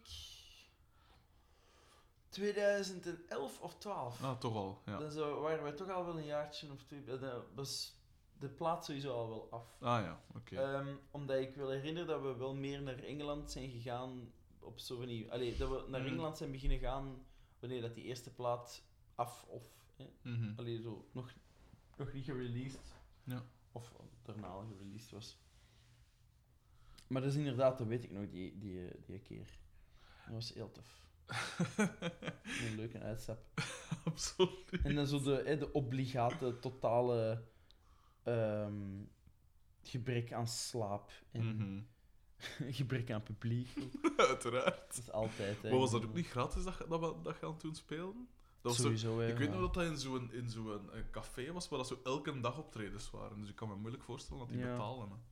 Nee, dat, was, dat is daar meestal... maar dus, allee, Mhm. eh, bij Das Pop was dat eh, tot een paar jaar geleden ook nog zo. Hè. Ik bedoel, Mm. gingen die daar echt voor, eh, voor twee bonnetjes aan de bar gingen spelen? Nee, ja, dat hoort daarbij. Maar dat is wel gewoon echt een, dat is een ziekte dat heel die een heel... Dat, Ja. dat ook in Engeland gewoon letterlijk ook wel ehm, erkend wordt. Hè. Ik bedoel, het sukt gewoon als kleine band. Ik bedoel, je kunt Zo. letterlijk niet door optredens te gaan doen eigenlijk kunnen niet, niet bekend worden. Mm. Dat heeft geen, heeft geen relevantie niet meer. Dat is zo onaangenaam, zo slecht eh, versterkt, zo slecht Mm. behandeld. Dat is eigenlijk gewoon niet de moeite. Mhm. Ehm, excuseer me. Ehm, zit Nele nog altijd in Argentinië trouwens? Of is die alweer? Of is die... Die is nu even terug. Ah, cool. Ja, die is nu voor een paar maanden terug. Ehm, Bruno is zelfs eh, stage aan het doen in Turnhout, in een ziekenhuis, denk ik. Hm. Ehm, zou Want cool moesten ze misschien wel langer kunnen blijven. Dat is Mhm. altijd wel leuk om haar terug te zien. Ehm, maar zo, ja, ze woont er nu al wel, hè. Twee, ja, twee, drie, twee, drie jaar ongeveer. Eh, Twee Mhm. jaar, hè, ongeveer. Hoe, eh, hoe, hoe, dus bij School is School, in het begin Mhm. kwam, pardon, kwam uiteraard alles, of nagenoeg alles neem ik aan van u, als je nummers schreef. Is daar iets in veranderd? Of, of zei het jij eigenlijk nog Ehm, dat dat... eh, Eigenlijk, op een of andere manier... Goh, eigenlijk is die in balans zelf ge- eh, hetzelfde gebleven. mhm. Ehm, alleen heb ik het gevoel dat ik nu uitgebreidere demo's eh, maak. Of zo. Dus in het begin ehm, was het zo dat ik eigenlijk het idee al wel helemaal had of zo. Mhm. Ehm, maar dat ik dan dat soms dat we te gehaast waren of zo Mhm. om de demos om te wachten dat die demos helemaal klaar waren of zo. Mhm. Maar het is al, altijd wel de bedoeling dat ik met School is Cool een demo helemaal uitwerk. En dat ik dan eigenlijk gewoon op, over, over elk instrument, over, het heel, over de heel, het arra- arra- eh, ehm, arrangement, dat ik daar een idee van krijg. Maar de manier dat ik schrijf is eigenlijk ook constant met dat balans, Mhm. met die, die zeer vrije balans Mhm. rekening houden van, van ehm, is dit nu niet te veel of eh, gaat dit nu niet te druk zijn of zijn dit nu niet twee dingen door elkaar of, eh, Mhm. Of ehm, eh, heeft dit nu niet een soort van break nodig of zo. Hè? Mhm. Ehm dat arrangement, arrangement is eigenlijk een heel relevant deel van het songschrijven. En dat hou ik het liefst voor, eh, in het begin bij mezelf. Mhm. Dat, dat, dat is een nogal ehm, kwetsbaar proces of zo bij mij. Hm. wa- vanaf het moment dat ik bij iemand merk, niet zozeer dat hij iets, van dat hij iets zegt, maar dat hij iets niet zegt of zo. Eh, dat- vanaf het moment dat ik iets merk dat iemand dat niet goed vindt of zo, of niet zo goed als ik had gehoopt, Ja. dan verlies ik zo snel hoop voor een Ja. nummer of zo. En dan laat ik dat snel varen voor maanden of zo. Mhm. Dus ik ga dat liefst voor mezelf. Maar dat neemt niet weg dat dat een nogal traag proces is of zo. Mhm. Eh, er zijn nummers op de vorige plaat waar ik echt letterlijk twee jaar aan heb geschreven. In de zin van dat ik eh, een refrein had en dat ik dacht van wow, dit is het beste refrein dat ik ooit heb geschreven. Nu een strofe. Ehm, twee jaar later, ah, oké, Ja. deze zal wel werken dan. hè. Ik, heb ook, ik zit nu ook met iets dat ik al zeker zeven jaar heb. En ik denk dat ik nu wel min of meer weet wa- waar, ik het moet steken. Ja, Maar ik ken het dus wel echt. Dat je zo... oh. Ja, dat is... Ehm, Ja. en dat daar, want bij mij, ik schrijf ook al alles, hè, ook de gitaren en, en, en West Ah, oké. Dus dat, dat arrangeren en zo, en dat, vooral inderdaad dan naar buiten komen, Mhm. tot als je echt je idee Mhm. treffelijk uitgewerkt hebt. Want soms, al ja, als je het zo trap doet, dan begrijpen ze niet wat je naartoe wil, natuurlijk. En, en- Nee, inderdaad, ja. En, en ook om, om te voorkomen dat er dat inderdaad zo. ehm goh, ja. Ik weet niet, dat is, dat is natuurlijk allemaal moeilijk om in hindsight te zien. En natuurlijk dat er heel veel ego's bij te pas komen en Mhm. zo. En uiteraard kun je ook wel kun het argument eh, gebruiken van. Ja, er is maar één ego op dit moment dat er, eh, dat er eh, heel goed in weergeven zijn. En dat is dat van mij. Aha. Maar eigenlijk ben ik niet zozeer bezig met ik wil hier goed overkomen in deze nummer, dus ik ga... Ja, allee, allee, ik Ja. ga eens een, een heel schoon uithaal of zo erin steken. Allee, dat is nog nooit in mij opgekomen. Het is eigenlijk Mhm. de muziek primeert of zo. Hè. ja. En uiteraard hou ik wel enigszins rekening met het feit dat onze bassist liever basgitaar speelt dan bas-synth. Mhm. En vorig album waren er meer bas-synth dan basgitaar. Mhm. En nu probeer ik dan wat meer uit basgitaar bijvoorbeeld te schrijven. Ja. Of probeer ik te denken van, ah, misschien wat meer viool erin steken of zo. Of, ah, dat. Mhm. Maar eigenlijk ehm, komt dat meestal ja, vanuit het idee van deze, deze, deze nummer, deze zinnetje of Mhm. deze melodietje, waar dat die woorden bij passen of zo, of die akkoorden onder passen. Deze moet eh, op een correcte manier uitgewerkt worden. Mhm. Of zo. Het is altijd een soort van afwerken voor wat passend is en voor wat het nieuw zou kunnen maken binnen ons oeuvre. Eh, je zegt daar juist, hè, akkoorden die onder die zin kunnen staan, Ja. vertrekt er van een tekst of vertrekt er van, van uw muziek? Ehm, ik weet het eigenlijk niet. Meestal begin ik van een zinnetje dat ik zing. Mhm. Ehm, ehm, maar het is ook al heel veel gebeurd dat ik begin vanuit akkoorden. Mhm. Nee, merken. ehm, vanuit een akkoordenprogressie. Want ik ben een... Ik ben, allee, je, hebt, je hebt borstenmannen, je hebt billenmannen. Ik ben een akkoordenman. Ik ben geobsedeerd met akkoordenprogressies. Als ik echt mag kiezen, dan is niet akkoorden, man. Ja, ja oké. Als het gaat over in, in, in seksuele partners, dan zou ik niet naar akkoorden gaan zoeken. Alhoewel, Tom York heeft wel heel schoon akkoorden. Laat ons zeggen dat ze altijd akkoord moet zijn. Ja. Dat wel. Ja, ja, dat is waar, inderdaad. Dat is heel goed gezegd. Dat is eigenlijk heel goed gevonden. Het is een heel beperkte situatie waar dat applicabel is, dat boekje, hè, maar je hebt, het- je hebt het nu wel eh, gedaan. Dus. Ehm, die, ehm, bijvoorbeeld eh, van klassieke muziek of zo, Mhm. ben ik een gigantische fan van barok. Mhm. Omdat daar akkoorden in de dat is wel in verhouding muziek, van, eh, ja. van, van akkoorden en, en de melodie, en eigenlijk de melodie bijna onder, allez, hè, ondergesteld is aan de, aan de akkoordenprogressies. En Ja, het feit dat alle pop-akkoordenprogressies uit eh barokmuziek eh, Mhm. stammen, Mhm. ehm, maakt dat iets dat, dat dat voor mij de ultieme muziek is of zo. Hè, waar Mhm. ik gigantisch veel uit kan leren, waar ik constant, waar ik echt luister, niet alleen van een soort van ervan genieten, maar echt letterlijk van, oh, eh, en oh, welk akkoord komt nu? Hè, zo bijvoorbeeld. Ja, ja. Allee, een, een Bach is daar. eh, allee, Vrij goed in. Ja. nee, maar is daar, is daar bijna, ik bedoel, daar kan ik bijna niks aan leren of zo, omdat dat. Mhm. dat is, allee, het is niet gelijk, gelijk bij Hendel of Monteverdi of zo, of, of een Vivaldi dat heel, Ja. bij wijze van spreken, heel poppy kan zijn. of zo, hè? Nee, In de zin van, dat, je, daar er. onder, onderscheid, je kunt de akkoorden daarin onderscheiden. Bij Bach ja. is het gewoon, zijn het gewoon melodielijnen die samenlopen en door elkaar lopen en daardoor toevallig, alleen niet toevallig natuurlijk, Nee. akkoorden creëren. Ja, Waardoor dat je eh, denkt van, holy shit, hoe is dit mathematisch en ehm, biologisch wonder mogelijk? Hè? ja.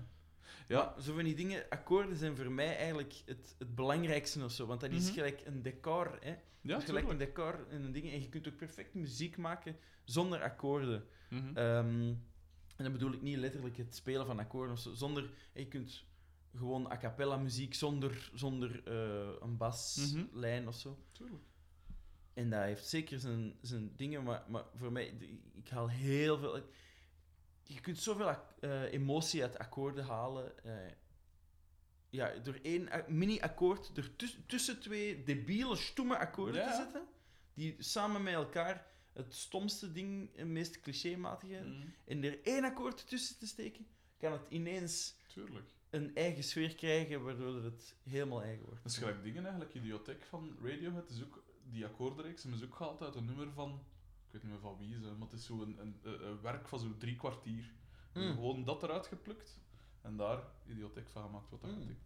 Maar wat dat je dan zegt, van ehm, de, de poppiness van bijvoorbeeld een Hendel, dat, dat klopt natuurlijk Ja. wel, want gelijk de, eh, wat is het, van Halleluja is natuurlijk... Ja, Ja. Dat, is, dat is een meezinger.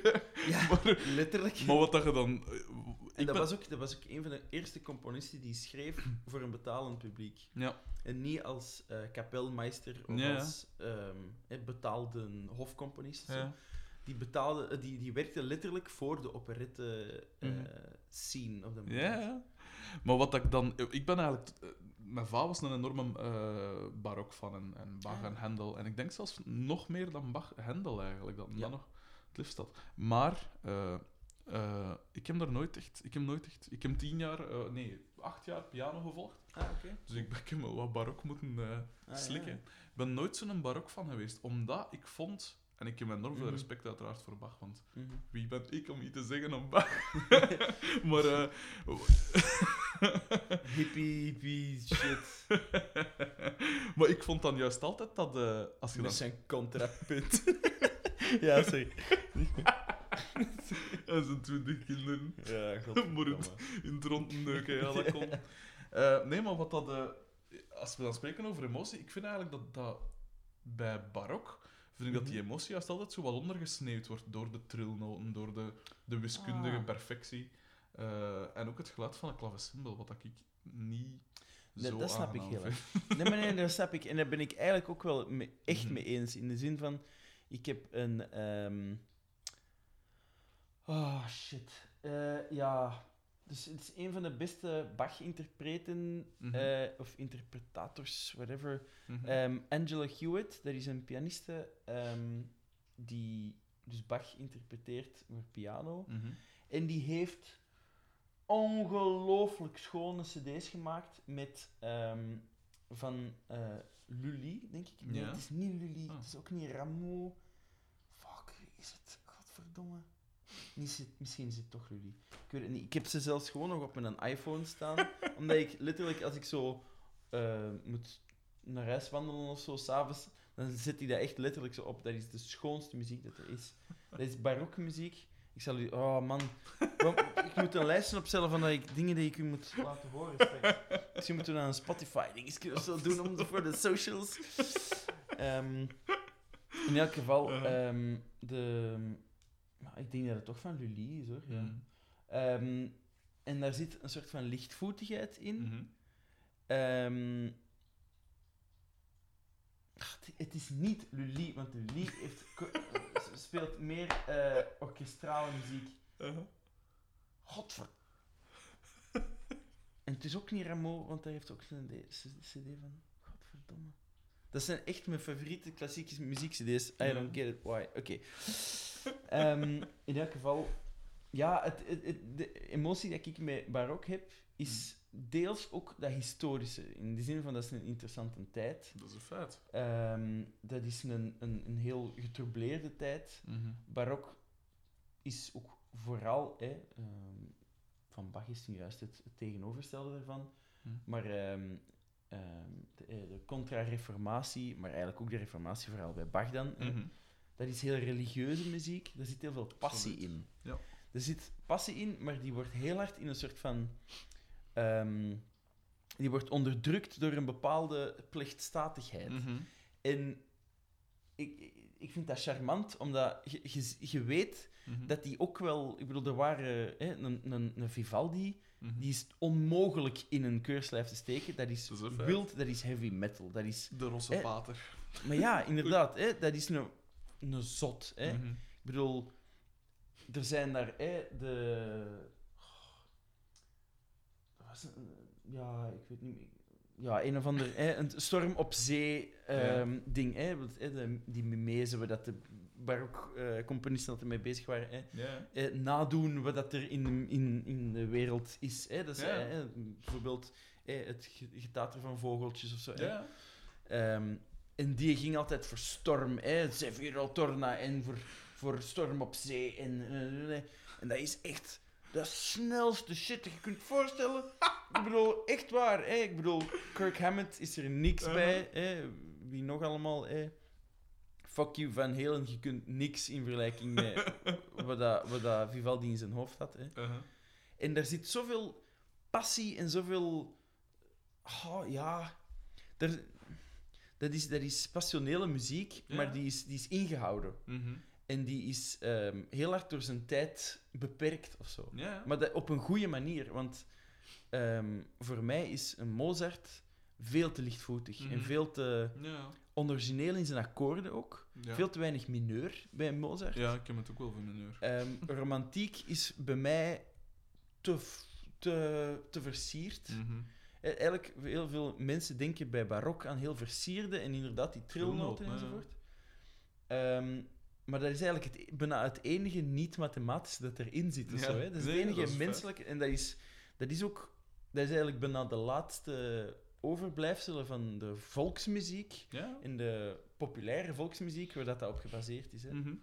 Ehm, er is zo'n stuk, dat is, dat, is, dat is iets waar ik nu met piano aan het spelen ben, Mhm. de Folia. En dat is een... ehm er, er hebben bijna elke barokcomponist heeft daar een, eh, een variatie op gemaakt, Mhm. eh, waaronder Vivaldi, en die is fucking ridiculous. dat is echt elf minuten eh, afwisselend de schoonste tranen in uw ogen ehm eh, pieta-muziek. Ja, ja. En aan de andere kant echt gewoon keizwaar en brutal shit. Hè?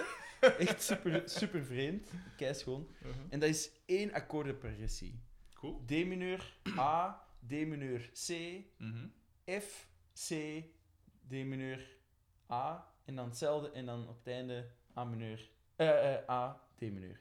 Mhm. En dat is altijd hetzelfde. En dat is een soort van trucje geweest, en een soort van eh, kapstok geweest, waar dat, ehm, componisten dan hun soort van hun, hun virtuositeit aan ophingen en zo. Ja. En je, je, je- je moet dat maar eens een keer opzoeken op YouTube. Gewoon Ja? Folia. Ja. Eh 1L of 2L, eh, L'en, je moet maar eens eh, variëren. Er zijn cd's, compilatie-cd's van gemaakt van alle verschillende composities. Dat is ongelooflijk. Het is echt tot 20 of 40 componisten die daar hun eigen versie van hebben gemaakt. Mhm. Zelfs Rachmaninov heeft daar denk ik een versie Cool. van gemaakt. Ook heel schoon. Heel, heel, heel schoon. Mhm. Bijna alles wat Philip Glass doet is daardoor geïnspireerd. Ook omdat hè, met die akkoorden krijg je heel makkelijk zo die arpeggio-dingen, dat Ja. dan heel sterk wordt. Ehm, en ja, daar zit ook heel veel variatie in. Mhm. En in die akkoorden komt een soort van stormachtigheid dat er zo in blijft zitten. En ook het dingen van, van Bach, wat dat zo sterk is, zo de dissonante noten. Zo, Ja, hè, ja. de- ik weet niet of dat, dat contrapunt is. Hè. Mhm. Contrapunt is denk ik hè, stijgende en dalende Ja. lijnen die door elkaar gaan en die door hè, harmonieën creëren. Maar eigenlijk, en dat is denk ik iets waar dat iemand gelijk Vivaldi ook heel sterk in is, is zo de trage noten, een stijgende lijn, die dan zo ineens samenkomen en dat het super dissonant wordt. Ja. En dan wordt het opgelost op een bepaald moment. Ja. En dan eh, kom ik terug misschien, oh, full circle. Ja.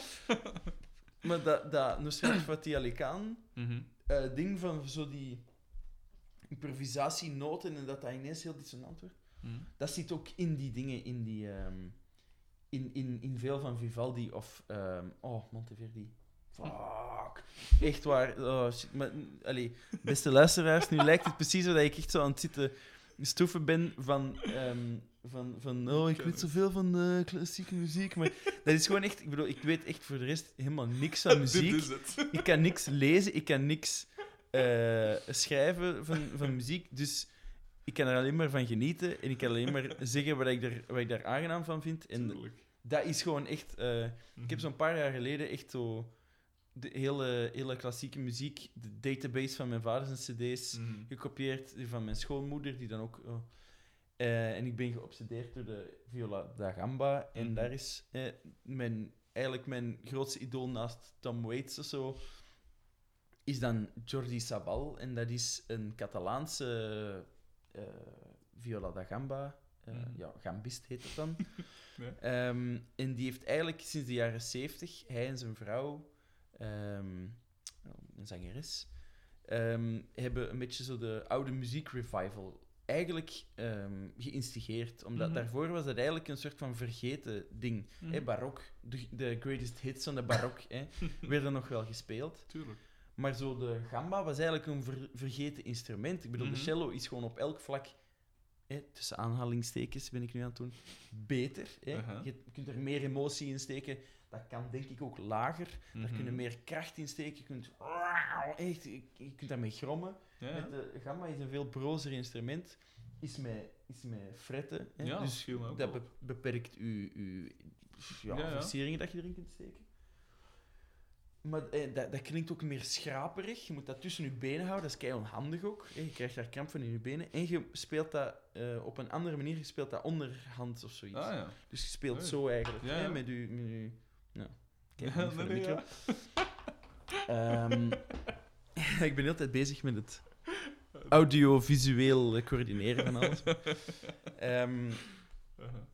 maar dat is dus een instrument dat die gast speelt. Hè, en die heeft daar eigenlijk een soort van genre op gebouwd. Mhm. En die is een, ehm, is een label, Aliavox. Ik heb daar, denk ik, 40 cd's van of zo. En die zijn allemaal echt super duur. Dat is zo duur, klassieke muziek. Dat is Dat zo fucking duur. Maar ja, ik bedoel, je kunt dat niet downloaden, hè. Dat zijn geen CD's van, dat zijn geen liedjes van. De autoriteiten zijn onderweg. Ja, ik bedoel, dus, ja, ja. Nee, maar ik bedoel, dat is letterlijk zo fucking duur. Maar Dat is door die dikke boekjes dat er altijd in zitten. Die Ja, voelen altijd zijn- een aandrang om er zo 40 ja, ja, maar- en bladzijden... dat is in, het is eigenlijk vooral zo dik omdat ze dat in vier talen doen. Hè. Ja, inderdaad. Dat is zo stom. En ik zit daar gewoon in het Engels in. Uh-huh. Oké. In elk geval, ehm, daar ben ik echt mega grote fan van. Maar een paar jaar terug heb ik echt zo'n hele klassieke muziek obsessie gehad. Nu zit ik terug in de wereldmuziekfase. Mhm. heb de reis gemerkt. Ehm, maar dat is ook wel een giga-invloed geweest, denk ik, eh, bij School is Cool. Ehm eh, barokmuziek Ja. zit gewoon letterlijk al in eh, het refrein van eh, eh, The World is Gonna End Tonight. Is gewoon echt ik die dacht van... "Ah, ik ga eens iets proberen dat een beetje barok klinkt. en dan zo... Een heel onorigineel ding, maar ik bedoel... Allee, ja. in het nummer werkt het of zo. Ja. Hè? Ehm, ja, dat vind, en dat is ook het heerlijke dat ik aan barok vind, is dat er kunnen niet genoeg akkoorden zijn. In de zin van bijna elke noot... In de zin wanneer dat je akkoorden speelt een nummer, Mhm. sommige, sommige noten van de melodie moeten niet noodzakelijk... En ik ben nu echt de meest basic shit. Ja. Al- Alle muziektheoretici gaan nu denken van... Amai, wat zit jij van een, een kleuter op vlak van muziek? luisteren hier ook niet naar. Nee, nee, nee, nee. ik hoop het, ik hoop het. Wie wel? Ehm, eh, niet noodzakelijk alle noten moeten overeenkomen met één van de drie noten van uw akkoord. Uh-huh. Maar in barokmuziek hebben ze toch besloten om dat eigenlijk toch bijna nooit te laten eh, Ja. zijn. Dat de, eh, en, en eigenlijk bijna per noot Mhm. kun je dan gewoon een akkoord anders spelen. En als je, dat, als je daar probeert door te denken... Ja, Soms is dat ik- echt- Ik heb al Nee, vijf nee, uur nee. geslapen. Nee, dat is niks, is niks. Ik Ja. zal eh, iets entertainender zijn. Ehm, eh, Ja. Volgende uitleg is met een explosie. Ehm, eh, maar als je dat, als je dat wilt, Mhm. kun je letterlijk onder elke noot een akkoord vinden, gewoon, hè? een Mhm. apart akkoord vinden. En dat is iets dat ik gewoon ook heel leuk vind om te doen, of zo, bij Mhm. wanneer dat ik zelf een melodie aan het maken ben, om daar zoveel mogelijk akkoorden eh, onder te zetten. En uiteindelijk kom ik wel een beetje terug, of Ja, probeer ja. ik het veel te versimpelen of zo. Want dat geeft eigenlijk ook nuance wanneer dat je dat juist niet doet. Ja, inderdaad. Ehm, maar dat is iets dat ik, ja... Ja, barok, daar heb ik een soort van speciale liefde voor, omdat dat... Dat is gelijk een soort van Norse persoon die nooit echt zijn emoties echt toont, Ja. maar die zo... Allee, eh, die bijvoorbeeld... Een, een- gelijk een Norse vader die zo nooit echt zo... eh, Ik hou van u, mijn zoon of dochter, zegt. Ja.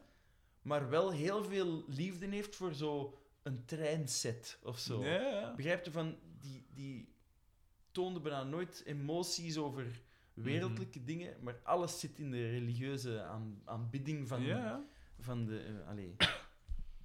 En de spiritualiteit in die muziek daardoor is heel sterk, omdat er alles, alle andere emoties steken ze er ook in. Mhm. Ja. omdat ze die niet kwijt kunnen in het strakke keurslijf van de contra-reformatie. Een beetje gelijk die een half in Home Alone. dus, dat is sneeuw, eh, die houdt van sneeuwscheppen. Ja, ja. Ehm, ehm, ja, we hebben het nu al over de muziek gehad, maar we hebben het nog niet over de teksten gehad. Hoe, hoe komt bij u een tekst tot stand? Vertrekt jij wat persoonlijke ervaringen? Of eh, je bent een lezer, heb ik er juist ook gemerkt. Haalde jij van tijd thema's uit? eh, of, of refereerde jij aan bepaalde boeken of films? Of weet ik veel. Hoe, hoe ga je daarin te werk? Ehm, ehm, ik denk daar niet zo heel veel over na, net zoals ik eigenlijk eh, niet zozeer over. Allee, ik denk over mega veel van muziek maken na. Mhm. Veel te veel. Veel te veel. Heeft me zeer veel beperkt op een bepaald moment. Nee. Ehm, maar ik heb geen methoden of zo hoe dat ik schrijf. Dus dat komt. Dat is eigenlijk. Ik heb eigenlijk al alles al eens een keer gedaan. Maar ik heb het nog nooit consequent kunnen doen, wat ik heel fr- heel frustrerend vind. Want ik zou heel graag een consequente manier van werken vinden, but I have none. Eh, ik heb gewoon echt al alles uitgeprobeerd. Ik heb al eens een keer een tekst geschreven op basis van een kort verhaal van Haruki Murakami. Cool. Ehm, ehm, gewoon omdat ik dacht van, maar dat is een schoon beeld. En ik zat Welk? meteen met een melodietje erin. Eh, van een kortverhalen Mhm. ehm, collectie, ik denk oh, treurende vrouw of treurwillig, allee, allee, zoiets in elk geval. Niet met treuren. Ja, ehm, zittende vrouw, treurende wilg of zoiets. Echt zo'n soort. Sorry, ik weet het niet meer. Nee, ik heb het denk ik in het Engels gelezen, ik weet het Aha. niet meer in, wat is het in het Engels. In elk geval, On the Beach of Hanalei heet het Mhm. nummer. En ik denk dat het, het kortverhaal Hanalei Bay heet. Dus dat Ah, ja. gaat over een surfer. Mhm. En eh, die sterft en zijn moeder ehm, ziet, geesten, ziet zijn geest eigenlijk heel vaak en gaat dan elke dag op dat strand zitten, denk ik. In elk geval, eh, ik heb er dan zo'n soort van eigen versie van gemaakt. Mhm. Ehm, maar ik heb dat sindsdien ook nooit niet meer kunnen doen. En allee, ik weet niet of dat, dat per se beter werkte of zo, of makkelijker was. Ik wil dat zeker nog wel nog eens een keer opnieuw doen. Maar ik heb nog nooit eigenlijk zo dat gevoel gehad van, ah, hier kan ik een nummer van maken of zo. Mhm. Allee, ik bedoel, sowieso bij de broers Karamazov ga je dat niet krijgen van... Nee. Hier kan ik een nummer van maken. Zijn we wel een tijdje bezig, hoor. Alleen al met de, alle namen van de personages. Ja, dat, en alle bijnamen altijd. Die hebben zo eerst drie namen en dan spreken ze erover een meetek of weet ik veel. En dan blijkt dan Ja, ja, ja, één te zijn dat totaal niet... Alyosha en het is een Alexander of Alexander of Alexander. Ja, als wij een Joost hebben, dan maken we er Jos van en dan kunnen dat ze nog wat traceren. Maar als die een, een Vladimir hebben, kan het dan een Mitek worden of weet ik veel. Dat is, Ja, en ik bedoel, in aan, en Boete dat seriously, Fyodor. Ehm, ehm, als je twee mensen hebt die halfbroers zijn, geeft hij dan dezelfde fucking achternaam. Allee, echt waar. Dat is nu toch niet zo Waarom? moeite. Ja, nee, ik bedoel, en voor ons is dat wel heel veel moeite, hè, vriend. Ja, het is dat. Nee, maar Zo kan ik ook een boek filmen. Met Ja, vier, inderdaad. man. En dan afwijkende verhalen over religie en zo. Fucking. Nee, nee, nee. Ik, heb, ik moet echt toegeven dat ik, dat ik eh, het niet heb uitgelezen. Hè. Is het Ik heb het niet uitgelezen. Nee, ik kan het niet. Ik moet Zo. Karamazov nog lezen. Ik heb dingen Schuld en Boete, maar ik wil... eh, gelezen toen ik 14 was of zo. Nice, dat nice. was wel even. eh, Veel aan overgehouden? ik vond dat eh? wel een cool verhaal. Ik vond dat een heel cool verhaal. Eh, gewoon dat idee van een oud besje de kop in te slaan met een bijl.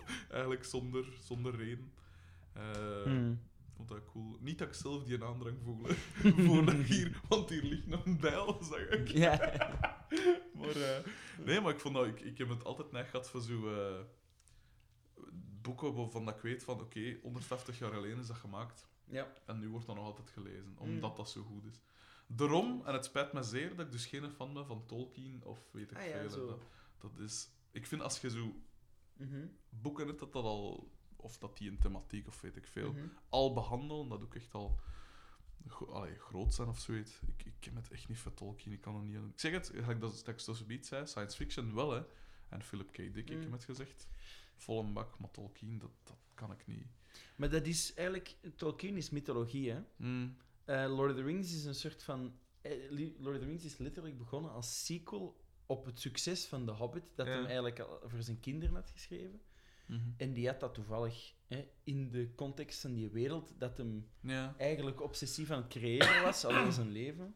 vind ik op zich cool, hè. Het creëren van een volledig ding. hè. Ah, wel, die Maar- was eigenlijk eh, hij was zo geobsedeerd door het, het feit dat ehm, na de verovering door de Normandiërs Mhm. van Engeland, dat eh, Engeland eigenlijk geen, geen, eigen, geen eigen mythologie had. Mhm. Dat was een beetje ver- verwijderd door de Normandische eh, edel... Eh, adel. adel Ja, ja. Hè? En die cultuur was zo'n beetje vervangen door zo die Arthur-saga enzovoort. Ja. En die, die vond hem eigenlijk heel flauw en, en te katholiek, eigenlijk. terecht. Hoewel dat hem zelf katholiek was. Uh-huh. Zeer eh, overtuigd. Uh-huh. Maar eh, die wilde gewoon een eigen mythologie voor, voor de cultuur van Engeland Nou ja. maken. En, en het is daarmee dat die hobbits zijn super Engels, super Midlands. Ja, ja. Ehm, en in die context wordt dat eigenlijk iets heel schoon. Mhm. En wanneer dat je eigenlijk begint te beseffen dat het gaat eigenlijk niet zozeer over de strijd tussen goed en kwaad of zo. Mhm. Dat is eigenlijk niet zozeer relevant. Mhm. Er zijn een paar interessante personages, gelijk een Gollum is eigenlijk een heel, heel typisch tragisch personage. Dat, hè, door exact hetgene dat hij niet wil doen, hè, gebeurt uiteindelijk hè, toch een soort van archetype eigenlijk. Hè. Of, en als het er nog, is, nog niet is, is het het nu wel. Hè.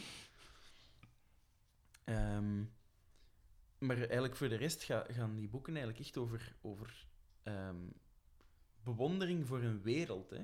Mhm. Dat is eigenlijk bewondering voor de natuur, onder andere. En niet Mhm. op een soort van ehm, hippie, zweverige manier. Mhm. Dat is eigenlijk echt over een soort van bijna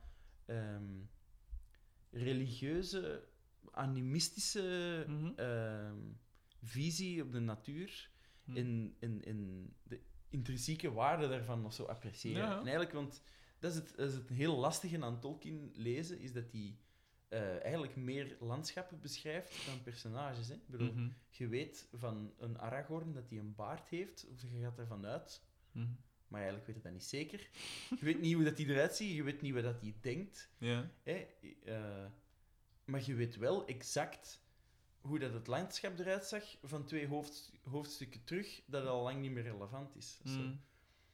Ehm, en daar is iets heel, ja, heel, heel na- natuurgecentreerd aan. boeken. En dat is, de, dat is op, op dat vlak is dat er wel mooi aan. En dan die mythologie daarin, met de archetypes die erin terugkomen, Mhm. ehm, wat niet betekent dat het onorigineel is of zo. Maar het is natuurlijk het is niet hetzelfde als echte mythologie of zo. Ik sluit ook niet uit dat dat kan liggen aan het feit dat zo'n hype geworden is. hè. Ik heb niet tegen hypes. Ik kan me voorstellen, moest eh, Philip K. Dick of zoiets een, een super hype worden in één keer, of, eh, of een Dostoevsky. Je weet nooit. Het kan nog altijd. Eh, of, of een Kafka of zoiets. Moest dat plots gehyped ik, allee, dat, ik heb gewoon iets tegen zo van die massahysterie naar rond. En ook dan, dat wordt dan zo... Ding is dan ook dat dat dan zo wat precies van zijn puurheid verliest als dat zo op de massa wordt gesmeten. Of als de massa hem daarop smijt. Dat... ik. Allee, bedoel, een Jurassic Park vind ik wel de max, hè, om wat dat, dat is. En ook omdat ik het gaat over dinosaurussen, dus waarom, Mhm. waarom zou ik het niet de max vinden? En dat is ook een enorme machine en weet ik veel. Maar dat heeft dan meer te zien met die eerste film, pijs ik. Want die nieuwe dat er nu gaat aankomen... Die ziet er verschrikkelijk uit. Ik, ik, ik, dat zie ik me niet. En de tweede en de... Het zijn er drie zeker tweede al ondertussen. goed tot op het moment dat de T-Rex in San Diego Ja. eh, landt. Dan Ja. wordt het echt belachelijk. Ja. Maar daarvoor vond ik dat wel heel cool, omdat er veel meer dino's in voorkwamen dan Ah, wel. in de eerste. Maar je doet het voor de dino's te zien en niet voor de, Ja. voor de dingen. Dat is zo... Ik ben nog in de cinema gaan zien trouwens. nee, maar inderdaad, je verzandt dan zo een beetje een Godzilla-achtig eh ding. Hè. Ja, ja, ja, Een, monster stom. in een stad. Ja. Ja, heel stom. Ehm, eh, Ja, met Tolkien. ehm, we zullen straks terug naar muziek gaan. Eh, met Tolkien. eh, ik was echt. Op dat moment dat die films explodeerden, mhm, was ik ook op die leeftijd dat er mega vatbaar voor was. Ik had The Hobbit al gelezen. mhm. Ik vond dat heel leuk. Maar ik had dat eigenlijk... Allee, ik, ik, ik had niet verwacht dat Lord of the Rings, dat ik dat zo'n ongelooflijk eh sterk boek ging vinden. En zo. mhm. Ik heb dan die eerste film gezien. Mind blown. Ja, want ik, ik wist wel ook niet dat, ik, uit, dat ik een fantasy fan was of zo. Ik was gewoon fan van... Allee, toen ik kind was, was ik fan van riddertjes en van, Ah, ja. en van Oh, ja, geschiedenis niet, enzovoort. ja. En dan, eh, dan is dat er heel... eh, en, en mythologie eh, ben ik altijd een gigafan van geweest. Terecht. Terecht. En ehm, toen gebeurde dat. En dat, dat, dat werd eigenlijk... Ik weet nog dat ik dat met vrienden ging zien en zo. Dat ik na die derde film echt gewoon... ik schaam me er een beetje voor, maar... dat ik echt gewoon eh, echt heb geweend na die film van... Dat dat zo, dat dat zo goed was. Uh-huh. Zo van... Allee, ik bedoel, Ja, bedoel, je nee, kunt nee. het er perfect mee oneens zijn of zo, maar op dat Ja. moment was dat bijna een soort van... ehm, gelijk een soort van beweging of zo. Mhm. Dat, dat was het gevoel van eh, in contact te staan met de tijdsgeest en dat dat, dat, dat u niet teleurstelde of zo. Gelijk het, het, het omgekeerde wat ik had met, eh, met The Hobbit nu. Ah, ja. De Hobbit-reeks is een van de slechtste trilogies, vind ik, ooit. Maar dat is toch ook maar gebaseerd op zo'n klein... Allee, ze met Dat die is een film superleuk boekje en ze hadden daar één of twee films van moeten maken die heel licht en lichtvoetig waren. Ja, want ze hebben ze nu- daar Lord of the Rings, Ja. de sequel, van proberen maken. Verschrikkelijk. Ja, en ik zie Martin Freeman nog altijd als, als dingen hè, van The Die Office. perfect als Bilbo, maar Ja. ze hebben gewoon alles er rond zakte. Zo. Ah ja. Echt waar. Echt verschrikkelijk. Ja, maar ik zeg het, ik ben een dusdanig grote Office-fan dat ik altijd Ah, dingen ja. zou zien daarin. En Tim. dan kan ik, ja, en dan kan ik, eh, dan kan ik hem Tim niet serieus... Canterbury. Ja, Canterbury Chaucer. Dat is zo'n... Bishop Missouri Dat is zo'n goede reeks. Bashing the Bishop. Zo die, die, die bloopers. eh. Ja, absoluut. Ik heb me in de haat gezien. Twintig keer of wat was het? Oh, ik heb me daarmee bepist. Ja. Dat is een reeks. Dat is... Oh, schitterend. Ehm Monkey. Monkey. Ik heb bijna die bloopers meer bekeken dan Ja. de reeks. Nobby Burton, two for a tenner. Yes, please. Four. dat is zo... En altijd zo er iets bij smijten, zo, hè. Bij Extras heeft dat de hoek gedaan, dat Ja, zo... Met zo, eh, als hij zo gaat drinken, hij pakt zo, drinkt van een glas. ja. ja, ja. En, Zo eh, altijd none taken. Zoiets. ja, ja. Ah, wat een... De bloopers van Ricky Gervais zijn eigenlijk het beste dat hij ooit heeft gedaan. Hey, die dingen, hey, zijn radioshows? Niet zijn podcasts, hè, maar zijn Ah, radioshows. Nee, en die zijn zo ook... Of nee, dat zijn de podcasts juist, die zo geïllustreerd zijn geweest. ook. Ja, dat zijn de podcasts. Maar hij, hij heeft voordien, eh, zelfs nog voor The Office en zo, Ah, ja. of ten tijde van, had een radioshow op XFM Mm. in Londen. En eh, ik heb er daar superveel... Ik pijs dat ik er zo 150 of zo van hem. Mhm. Ik ga je die eens op een of andere manier bezorgen, want dat is oh, schitterend. Dat is zelfs nog van... Allee, dat is met Carl Pilkington al, maar eigenlijk Ah, ja, dat ja. ze nog niet... Ah, hem eigenlijk... Je hoort ze hem daar ontdekken, eigenlijk. Zo echt zo die eerste ding is van... eh, ja, ver- vertel eens. dat eh. is zoiets, echt. hè. Ja, en dat, is, en dat is wel tof, want hij doet ook van die schitterende... Ja, zo... Hij doet zo'n een, een standaard radio-dj na van tijd.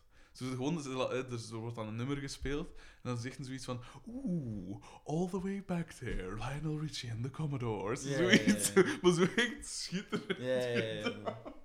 Of, eh, Cool. uh, well, they're the, they're the darkness. They believe in a thing called love, Carl. Do you? Zo, dat, Ja, ja, dat is zo. zo schitterend. Oh, Geniaal. Ga je dat echt eens bezorgen, want Ja, dat, is, dat is te goed. Ik heb dat echt-. Ik heb daar gans mijn, eh, mijn hoger onderwijs... eh, dat was daar de soundtrack van. Want ik ging zelf op de les en op de... Ik ging wel geregeld eens naar Gent, maar dan om te biljarten of zo. En op de trein had, Ah, had ik altijd zo. in mijn oor. Dus dat was... oh, schitterend. Ah, oké, Ehm, maar, eh, wacht, hè, waar waren we? Terug Mm. naar de muziek. Ja, teksten Muziek, schrijven en zo dan. Ja, hmm. Hoe, eh, ja, hoe... Ja, dat, ehm, ik merk vaak dat er wel zo. dat er onderwerpen die ik interessant vind of. eh, waardoor ik geïnsp- geïnspireerd ben, dat die terugkomen of zo. Is het echt? In teksten soms.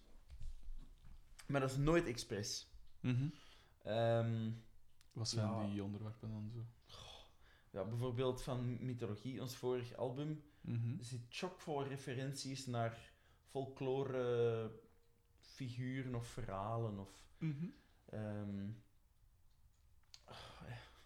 er zitten eigenlijk zelfs een paar eh, Game of Thrones eh, referenties in. Ik weet dat je geen fantasy fan bent, maar ik kan er niet aan doen. Ik heb, het, ik heb het geprobeerd om te vermijden, maar... ja.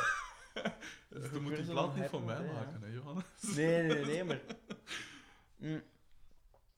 Goh, ja, het is moeilijk om voorbeelden te geven, Mhm. eigenlijk. Omdat dat zijn dan meestal zo enkel referenties dat ik zie, omdat dat soms zelfs niet eens letterlijk ze benoemen is Mhm. of zo. Maar het is eigenlijk...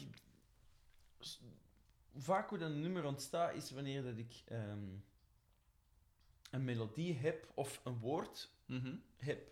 En daar hoor ik dan een melodie in, of een melodie hoor, en daar dan een, bepaalde, een bepaald ritme in hoor, Mhm. met, die, met een woord er dan bij of zo. Mhm. Ehm, maar dat, dat verandert eigenlijk altijd. Ik heb echt al zo eh, ja, geprobeerd om zo vanuit zo de Bruce Springsteen manier te schrijven, van zo historische boeken te gaan lezen en dan zo proberen u in te leven in een Ja. personage of zo. Hè. Of ik heb wel geprobeerd om, om eh, liefdesnummers te schrijven of zo, maar dat loopt dan altijd mis. En wanneer dat je dan iets anders probeert te schrijven, dan Ja. krijg je een, een nummer over liefde. Mhm. Ehm, ik heb wel gemerkt dat er een evolutie is gebeurd. In het begin probeerde ik altijd categorisch te, eh, categorisch te ehm, ontwijken om ehm, thema's zoals, zoals relaties of zo erin te gebruiken. Mhm. Maar omdat ik wel heb beseft dat... Ik bedoel, dat is wel het meest fundamentele dat je kunt meemaken als mens. Ja. Dus waarom zouden we dat proberen vermijden, Ja. eigenlijk? Hè? Eh, en dan, sinds dat ik dat heb proberen vermijden, dan, eh, niet meer heb, eh, sinds dat ik dat niet meer probeer te vermijden, merk ik dat echt keiveel ervan overga. En eigenlijk niet per se omdat ik daar heel veel unresolved issues over heb of zo, Mhm. maar omdat dat, dat, is, dat is gewoon iets super fundamenteel voor de mensheid. Tuurlijk. En je, je... Ik bedoel, heel veel waar dat je over nadenkt, gaat daarover. Mhm. Allee, ik bedoel, ehm, alleen al het verliefd worden op een persoon is eindeloze inspiratie voor... voor dat, kan, dat kan troostend zijn, dat kan... Meestal niet.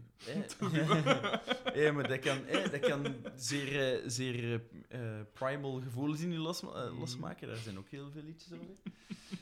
Dat, dat kan u gewoon het totale geluk laten, laten voelen of zo. En het, alles, eh, alles eh, daarna kan een hoop andere dingen eh, teweeg brengen. Maar ik bedoel, er is zo'n gigantisch spectrum aan emoties dat je daaruit Mm. kunt putten. Eh, alleen het probleem is, er is een gigantische geschiedenis van verschrikkelijk slechte teksten daarover. Eh, vooral bij Belgische bands. Eh, Ah, ja. Dus je moet daar heel hard mee opletten. Aha. Mhm. Dus je moet heel hard zien dat je daar... ofwel dat je zeer oprechte emoties weergeeft, zonder zo, zo zeer op eigen emoties te baseren, want dan wordt het heel vaak melig. Mhm.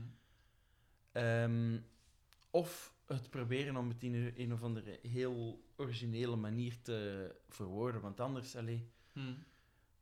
allee, anders... That. Ja, ik bedoel, wa- wat Mm. ik heel graag heb, is een, een, ehm, een in het oog springende titel of zo. Mhm. Of een... eh, allee, het is niet dat ik een titel maak van een nummer en dan daar probeer eh, eh, teksten over te schrijven. Hoewel dat, dat soms ook wel werkt. Ja, hè. Bedoel, bijvoorbeeld de Beatles deden dat kei vaak. Ja, is dat Ja, ja, Eight Days a Week, eh, A Hard Day's Night, cool? eh, al de Tomorrow Never Knows. Allemaal zo van die titels zijn, zijn eerst ontstaan en dan is het Ah, nummer ja. over geschreven. A Hard Day's Night is letterlijk door een, een eh, verkeerd uitgesproken zin Ja, van Ringo Starr dat hij zei: eh, It's been a hard day, it's night. Ik bedoel, Ja. Ja, over een filmset eh, ding dat hem zei van ah, het is een harde dag geweest, eh, een nacht. Ja, ja. En dat, daar hebben ze dan geïnspireerd, eh, daar waren ze dan door geïnspireerd om te zeggen: ik heb Mhm. hard gewerkt. la. Ja, ja. En zo, zo gaat het ook, hè, om terug te werken van een titel of zo. Maar, Mm. ehm, maar ik heb graag wanneer dat er een, een woord in komt dat, dat in het oog springt of zo.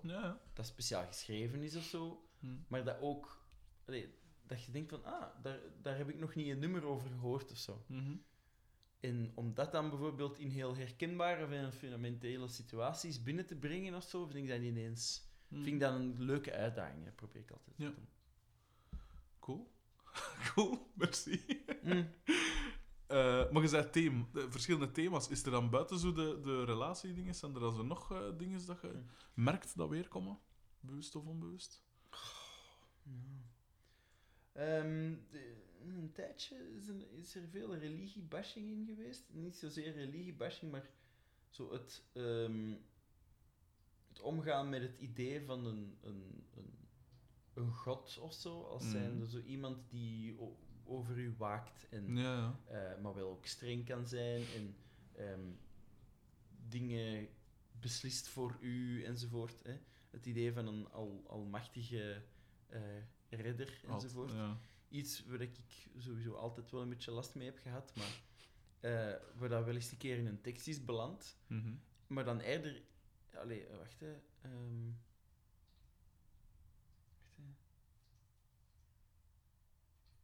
wacht, hè. Ja, zeer interessant, stilte.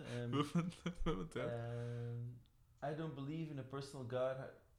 How, come when he says he loves me, he makes me ugly? Dat is dat dingen. Ja. Is dat uh, The World is Gonna End Tonight. En uh, uh, op dat nummer, Hm. terwijl dat, dat eigenlijk gaat over u niet aantrekkelijk voelen eerder, hè, Mhm.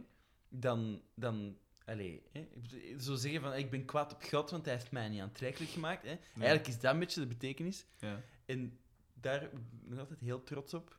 Ehm, een of andere West-Vlaamse ehm gospelkoor priester van een of andere protestantse kerk heeft een, een column geschreven ergens van zo in de VRT met een anti-religieuze propaganda constant. En welke groep is er dan heel de week op tv? School is cool met die nummers I don't believe in a personal God. En dan dacht ik echt zo, wauw, iemand heeft naar mijn lyrics geluisterd. ja. Maar wel verkeerd verstaan. Maar ja, oké, never mind. Ja, dat, eh, daar zijn ze nogthans niet voor bekend, voor dingen verkeerd te interpreteren. Nee, nee, nee, inderdaad. Oh. Nee, ja, dat is wel... eh, Ja. Ik kan u daar trouwens volledig in volgen. Dat is een, dat is een element, en er is ook een, een song. ehm waar dat de, allee, ja, ik bedoel, die filosofische elementen komen altijd terug. Er is zo'n nummer genaamd eh, Trist, dat op de vorige plaats staat, en het refrein daarvan gaat... They told me that God will fade away, but honey, now we are here to stay. Als in een soort van dingen van, van ehm, zo'n ideeën zijn vergankelijk, maar Mhm. eh, onze liefde is Ja. wel degelijk eeuwig. Hè. Laten Ja. we het hopen. Nee, hè, zo van die dingen. Uh-huh. Als een soort van... Op welke manier kun je absoluter zeggen dat je van iemand houdt, dan te zeggen, God is niet voor eeuwig. God is Mhm. relatief, maar onze liefde is... eh, Cool. En dat vond ik zo van... Dat is een heel krachtig statement of zo, als je dat... eh, Mhm. Ehm, maar filosofische statements zitten er wel vaak in. Ja, het is ook een, een nummer dat we nooit op een cd heeft gestaan. Ehm, en dat heette eh, God spelled backwards is dog. Omdat je dat gewoon grappig vond om te zeggen. Ja, ja. Ehm, ja, allemaal zo van die dingen. Mhm. Zo precies dat ik een of ander God problem heb, maar ik ben daar niet per se zeer fanatiek of heel woedend om. Eh, Mhm. ik ben ook niet zo ongelooflijk anti-religie als een Richard Dawkins of zo. Nog zo'n toffe gast. Ehm, Ja. Zeg, je hebt ondertussen al redelijk wat platen gemaakt. Hoeveel, hoeveel School School platen zijn er nu? Twee. Twee. Eh, twee, maar ehm, nu, nu ben ik bezig met, Ah, ja. met een derde. En Het staat nog niet zo heel ver hoor. Maar. Nee, maar... ehm, en je, in hoeverre... Of allee, in welke zin verschillen ze van elkaar voor u? Eh, qua, allee, qua muziek, qua teksten, qua omstandigheden waarin ze gemaakt zijn, qua opnameproces. In alle mogelijke... Alle mogelijke Alles wat dat je... Alles wat dat je Ehm, ja, de eerste CD, ehm, dat was voor ons gewoon al heel nieuw om zo lang in de studio te zitten. En dat was een hele ervaring om. hoe, lang, heeft dat- hoe lang heeft dat die op... Ja, dat was uiteindelijk was dat 14 dagen of zo. Oh, en dan wel 14 dagen gemixt, dat is nog wel iets anders. Mhm. Ehm, dat was, allee, dat was een hele ervaring. We hebben dat ook heel expres zeer intens ge- gehouden. In de zin van, we zijn toen gaan logeren ook in de, in de Motor Music, in de Mhm. verschrikkelijkste bedden. Ik heb de helft van mijn zang niet kunnen doen, omdat ik gewoon kei ziek was op einde, omdat ik nooit sliep. Ehm, dat was heel dom, heel dom. Maar uiteindelijk hadden we nog in de mix heel veel tijd. Dus, eh, ehm, Ehm, en dat was, ja, je komt er dan binnen en er staat daar een pauk, staat daar een gigantische vleugelpiano, staan er Mhm. harmoniums en, en verschillende synthesizers en allemaal verschillende drums en, en concerttrom enzovoort. Dat je, daar staat je gelijk een, eh, like kid in the candy shop. En dan denk je echt van, holy shit, eh, dit gaat echt ongelooflijk zijn. En dat was een heel, heel aangename ervaring. Dat was echt, Mhm. Reinhard is ook... ehm, Supergoed het schijnt. Het schijnt dat echt een... eh, producer. ja. Ehm, en ik denk, supergoeie producer voor elke soort groep. Hmm. Maar voor ons als jonge en on- onervaren groep Mhm. Was dat echt fantastisch, omdat die, die weet van alles iets. In de zin van, dat is echt een homo universalis en Ja. Hè. Ehm,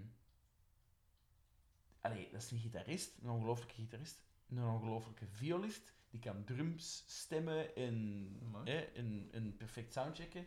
Die, kan, die heeft ook hele technische eh, Ja. onder de knie, dus die is gewoon dus de total package. In de zin van, ehm, vroeger was de producer er iemand die zei van, die mee, meedenkt over de songstructuur en ik wil het graag zo laten klinken en ik wil graag dat eens uitproberen Mhm. enzovoort. En dan had hij assistenten en techniekers om al die technische shit te doen. En hij heeft uiteindelijk uit een assistent, eh, Nicola, die later onze backliner is geworden trouwens. Cool. Ehm, ehm, die, die er vooral bij was voor, eh, voor eh, ja, links te leggen in DI's en, Mhm. en op te stellen enzovoort. En die was er voor, voor eh, mee na te denken over bepaalde opstellingen enzovoort. Maar eigenlijk ging het, wa- was eigenlijk alles, alles, alle technische was bijna in hand van, van Reiner. Mooi. En ook de mix heeft hij gedaan. En Mhm. hij was er ook bij de mastering, ik ook. Ehm, maar dat was vooral een ongelooflijke ervaring om zo dat allemaal mee te maken. Want ik, heb, ik stond er wel op om bij alles bij te zijn. In de zin van. Mhm. ik heb echt elk, elke opname meegemaakt. Ik heb alles meegemixt. Mhm. Ehm, waarschijnlijk tot grote frustratie van Reinhard, want hij had het waarschijnlijk in een paar weken kunnen doen. Allee, in, in een week eh, kunnen doen of zo, maar eh, uiteindelijk hebben we er twee weken over gedaan. Omdat ik eh, altijd zei van, Ik wil toch graag die, ehm, die viool toch helemaal links hebben. En, zo. dan zei hij, ja, maar op de radio gaat dat niet marcheren. Nee, nee, fuck it, fuck it. Je moet echt links zijn.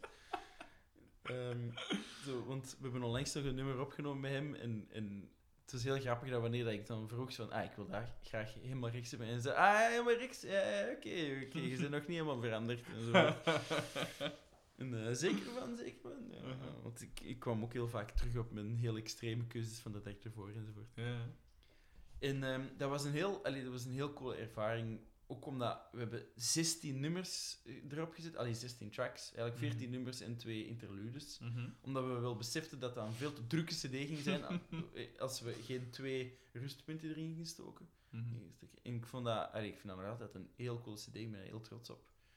Ehm, in het algemeen ehm, denk ik dat we... Dat was deels denk ik door Kids in Town, dat we daar ook nog hebben bijgezet. Mhm. Maar dat ook nog ehm onze imago of whatever heeft, heeft Mhm. meegestuurd. Denk ik... Allee, had ik achteraf het gevoel van... Ah, eigenlijk had het nog een ietsje edgier plaat kunnen zijn of zo. Ik had hem graag ietsje elektronischer gehad Mhm. of zo. Ehm, allee, het zit allemaal ook heel erg binnen zo die... ehm, ehm, Arcade Fire folk revival. Zo. Ja, ja. Iets waar dat Mumford Sons de absolute des duivels uit was, van was. Hè. Maar hè, zo, hè, daar in Beirut enzovoort. En Ja, er zit nog heel veel van zo die dingen. En er zit zo met Warpaint zit er zo een beetje van zo die 80s revival van zo Mhm. post 2012 zo wat in. Ja. Eh, post Drive enzovoort ook. hè. Mhm. Ehm, dat, allee, dat zit er allemaal nog zo in. En ik, hoe dat ik dat nu bekijk, is allemaal vanuit een zo... Van, ik, snap, ik snap wat dat... Wat dat ik kan dat zo begrijpen en daardoor heb ik het gevoel dat ik, er, dat ik verder sta of zo. Ja. Maar ehm, ik ben wel nog altijd wel trots op die, op die CD. Ehm, Mhm. en dat is ook wel een heel, een heel eh, accomplishment om dat met zo'n jonge band te doen. Met zo'n uiteenlopende persoonlijkheden. En Mhm. allee, met Nele, die eh, ook eh, halftime, allee, eh, parttime werkte. Hm. Eh, en wie de stem helemaal kapot was op dat moment. Die heeft twee nummers backings kunnen doen of zo. Ja. Twee of drie nummers. En de rest heb ik gedaan. Ehm, ja, dus... eh, maar dat was een heel, heel speciale leerervaring. Mhm. En ja, wat dat dan live daarna en m- met de singles en zo op Studio Brussel was dat voor ons echt... Allee, als ik daar nu op terugkijk, denk ik van... ehm, ik heb daar niet genoeg van kunnen genieten. Allee, ik heb daar niet ge- genoeg van gen- genoten op het, op het moment Mhm. zelf of zo. Van, amai, dat, wa- dat was wel echt een hele goede tijd in de zin van... eh wel. trouwens, heb jij warm genoeg? Ja, ja, ja. ja. Het is ja zo ik, heb, ik geen probleem. eh. Als, in, als ik daar op terug denk ik van, wow, those, those certainly were the days. In Ja, de zin van, dat we wel. echt superveel leuke optredens en, en constante airplay. Eh, Echt, Ja. was allee, echt heerlijk. Echt een totale luxe op dat vlak. Ehm, en dan... ehm, maar, maar op dat moment had ik het gevoel van, ja, ik wil... Zo wat, iets- ik wil iets duisterder maken, ik wil meer dat elektronische, want dat, dat is niet iets Mhm. dat ik eigenlijk voor die tweede CD heb opgedaan. Dat is iets waar ik al heel lang mee bezig was. Ik een heel grote fan van de jaren 80 muziek, heel groot fan van elektronische bands. Björk is bijvoorbeeld. Radiohead, eh, sowieso ook eigenlijk ook een elektronische band. Ja, Maar. Björk is eigenlijk eh, totaal Ja. idool van mij.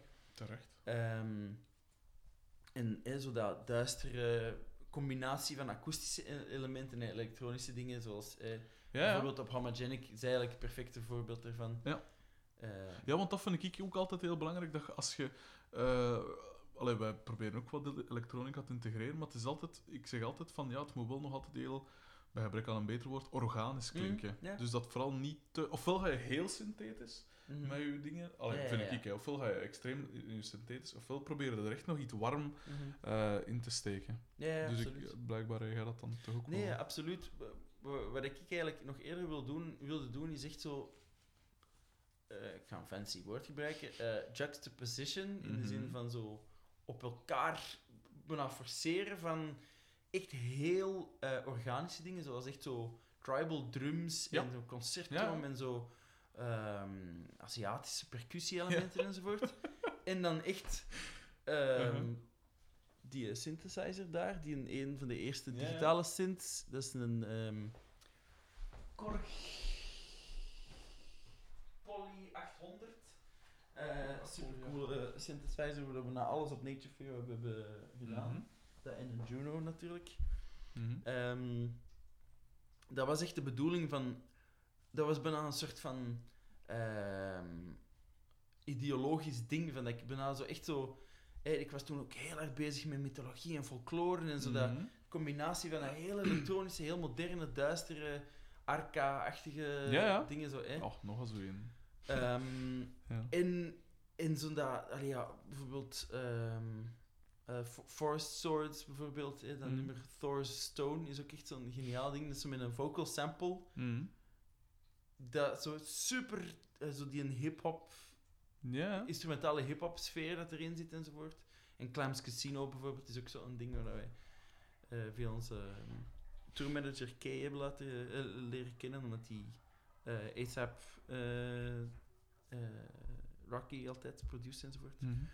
in zo ja, instrumentale hip-hop en zo die, die, die, ja, wat is dat? Post-dubstep of zoiets? Hè? Ja, zal niet weten. Eindeloze genre-namen. Die Ik, weet kan het al lang niet meer volgen, maar in elk geval goede muziek. Ja, voilà. Goede muziek. Zeker. En zo dat elektronische en dan zo dat, zo dat heel synesthetische en combin- combinatie van, van, van de natuur en het, en het digitale. Ja, ja. Eigenlijk. En dat is iets dat we ook in de, in de cover hebben, hebben proberen terughalen. Dat zijn Ja. heel oude eh, foto's die door, ehm, door een scanner zijn gehaald, maar dan een beetje bewogen met Ja. papier, waardoor dat, eh, Cool. waardoor dat, dat zo die digitale ja. wobbel eh, Photoshop kwaliteit, maar dan echt eh, eh, krijg, krijgt. En allee, archeologische foto's, en, allee, hè, zo fo- foto's uit archeologische ehm catalogussen enzovoort. Mhm. Hebben we ook gebruikt in de artwork. Allee, een nummer gelijk Black Dog Painting, dat is eigenlijk hetgeen waar ik het meest... Allee, het, het, op ben eigenlijk van... is, eh, in mijn ogen is dat het beste dat ik heb gemaakt eigenlijk. Mhm. Ehm, eh, en ik zou dat heel graag eens een keer kunnen evenaren of zo. Of iets, of iets anders kunnen maken. Of iets Uh-huh. Ehm, want dat is echt zo... Het, op dat moment, toen ik dat nummer af had, dacht ik van... Oké, daar gaat de cd over gaan. Daar moet het Mhm. rond gaan. Hè, dat is een nummer dat eigenlijk deels heel psychologisch is. Mhm. dat, dat, je kunt dat interpreteren als gaande over een- bijvoorbeeld een depressie of zo. Hè, of over... allee, eh, mentale instabiliteit of zo. Mhm. Maar tegelijk gaat dat letterlijk over iemand die achtervolgd wordt door een soort van geest van een zwarte hond. Ja, ja. Waar dat in Engelse en heel veel Noord-Europese folklore staat Absoluut. voor eh, ongeluk en, en Mhm. allee, bad tidings enzovoort. Ja. En ja, eh, onder andere de Hounds of the Baskervilles, eh, van Hounds of Baskerville, eh, zijn, is daardoor geïnspireerd. en, ehm, eh, ook in Harry Potter komt er zo'n element met een zwarte hond. eh. daar, ehm, daar hou ik mij ver van weg. No worries, ik heb het ook niet gelezen, maar ja. films wel gezien en daar komt dat er ook in enzovoort. Ehm, dus dat is zo'n element dat er heel, heel hard in komt. Mhm.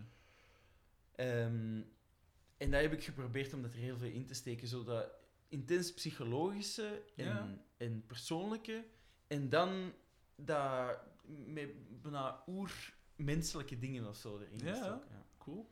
Wat dat jij zo allemaal opnoemt, is veel van wat ik met mijn muziek wil doen, maar dat gaat uiteraard, Mhm. dat is volledig anders dan wat, Mhm. jij, wat er bij u dan uitkomt. Zo dat Aziatische, dat Mm. elektronische, maar dan tegelijk zo dat menselijke Mhm. er nog in en zo. Ja, dat is heel, heel cool. Ja, dat is een. Goh, ja, ik bedoel. eh, mythologie is ook iets. allee, mythologie of, of zo het, ehm, het idee dat de ehm, waarheid niet zozeer historisch moet zijn, Mhm. Of niet zozeer correct moet, zi- moet zijn, of Mhm. feitelijk moet zijn, om echt om, om, om waarachtig te zijn, om, om Ja, lessen te leren over. Hè, niemand in de hele geschiedenis van de wereld dacht dat mytho- allee, behalve misschien nu een paar debiele Amerikanen, dachten dat, ehm, dat mythologische verhalen echt waren. Dat die echt gebeurd waren. Ja. Niemand dacht dat ooit. Dat zijn altijd Ja. analogieën of Tuurlijk. metaforen of, of rituelen geweest Ja. om, om mensen een soort van waarheid over Ja. de het mens zijn of over de natuur te tonen. Ah ja, de, de vroege de natuurfilosofen zijn ook gewoon een, Mhm. een, een, een, een- het zoeken naar een verklaring voor alles. Ja. Ja.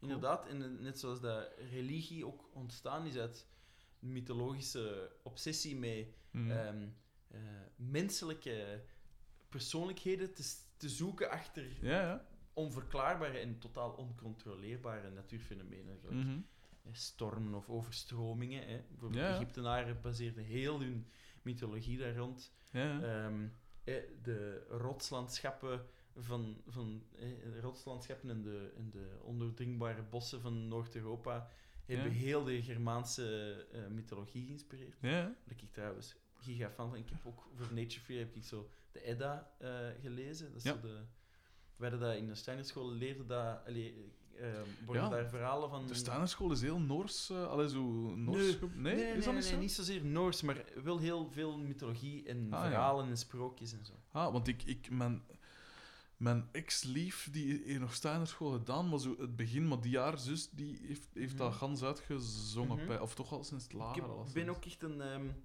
een kind van de complete. Steiner. Ik heb niks anders. eh, Is dat waar dat je daar, als je daar tekent, dat je zo... Pak nu dat je een koei moet tekenen, dat je zo niet de, de buiten, de, de, de, de outlines mocht tekenen, maar dat je eigenlijk direct moet beginnen kleuren? nee. Dat je dat moet tekenen dat al, al niks. in... Nee, nee, Ah, nee, nee, nee, nee. Maar ik snap, ik snap wat je bedoelt. Allee, ik denk dat ik weet wat ze daarmee bedoelt. Dat Ja. is dat je ehm, niet gewoon ehm, eh, de rand mocht tekenen als in een Ja. soort van... Kijk, ik heb een mens getekend. La, la, la, la. Ja. Je, moet, je moet met kleuren en... Allee, het wordt aangemoedigd, hè. Ja. Dat je met kleuren en met verschillende schakeringen, met arceringen en met, met combinaties van kleuren werkt, eerder dan dat je tekent gelijk een strip. Ah, Terwijl uiteindelijk striptekenaars tekenen met, allee, eh, ook niet alleen maar met nee. contouren. Hè. Nee, inderdaad. Nee, maar het ding is van, van bijvoorbeeld de Steinerschool, de lagere school, Mhm. Ehm, elk jaar worden dan, maar het is eigenlijk, je doet eigenlijk de volle zes jaar met dezelfde Maar dat is toch eh, ook. Ah, nee, maar... wa- Want is dat ook niet dat je daar zo soms met meerdere jaren te samen zit? Nee. Ah, oké. nee. Misschien zat hij gewoon op een heel slechte Steinerschool. Ah, ja, maar zo, soms als er een leraar ziek was of zo, ja. Ah ja, want Nee. ja, er zit Nee, wel en er eigenlijk zijn heel veel ja. schoolfeesten, hè. Momenten dat je samenkomt en bij een, een of ander... eh, ja. Dat zit eigenlijk wel iets van logica in dat je je leraar gewoon meepakt naar de volgende. Ja, tenzij dat die je niet kan uitstaan. Wel, dat is hè. natuurlijk dan, iets is het minder. wel echt een probleem. Ehm, ik had dat gelukkig Proef ik daar niet altijd. Ah, nee, nee. nee, nee, nee. Nee, nee, maar ik bedoel, dat, dat, dat kan potentieel een probleem Ja, dat is een feit. Maar wij hadden het ding, en dat vond ik heerlijk, eh, eh, dat eh, onze juf, die vertelde eigenlijk elk jaar, had hij een soort van pool waar dat die verhalen uit vertelde. Eerste Mhm. jaar zijn dat sprookjes, wat Mhm. dat logisch is, want dan zit ik nog kei jong. Ja. Tweede jaar zijn dat fabels. En fabels hè, hebben dan die ethische eh, Ja, ja. consequenties enzovoort. Derde jaar is dat ehm, eh, Bijbelverhalen, dus Oude Testament. Mhm. We hebben eigenlijk nooit iets van het Nieuw Testament gezien. Eh, maar eh, door die grote mythologische dingen van, dat- van het, en de verhalen van, van het Oude Testament. Vierde jaar was dat Germaanse ehm, mythologie. Mhm. Vijfde eh Babylonisch-Sumerische Cool. en eh, zesde Griekse en Romeinse. Tof. En je ziet ook daarmee iets van die culturen natuurlijk. Ja. Maar ik was mega geobsedeerd door de Germaanse, omdat die gewoon echt zo fucking cool is. en met fucking rosse vlechten en hamers en trollen in elkaar Daar slaan. doen we het voor. Ah, wel ja, maar ik bedoel, is het dan een verrassing dat ik Lord of the Rings fan ben? Ik denk het niet. Nee. En Game of Thrones enzovoort zit er ook heel hard in, hè. Maar... Ja. Maar als je dat terugkijkt, dan, dan is dat veel minder. Allee, dan zijn dat.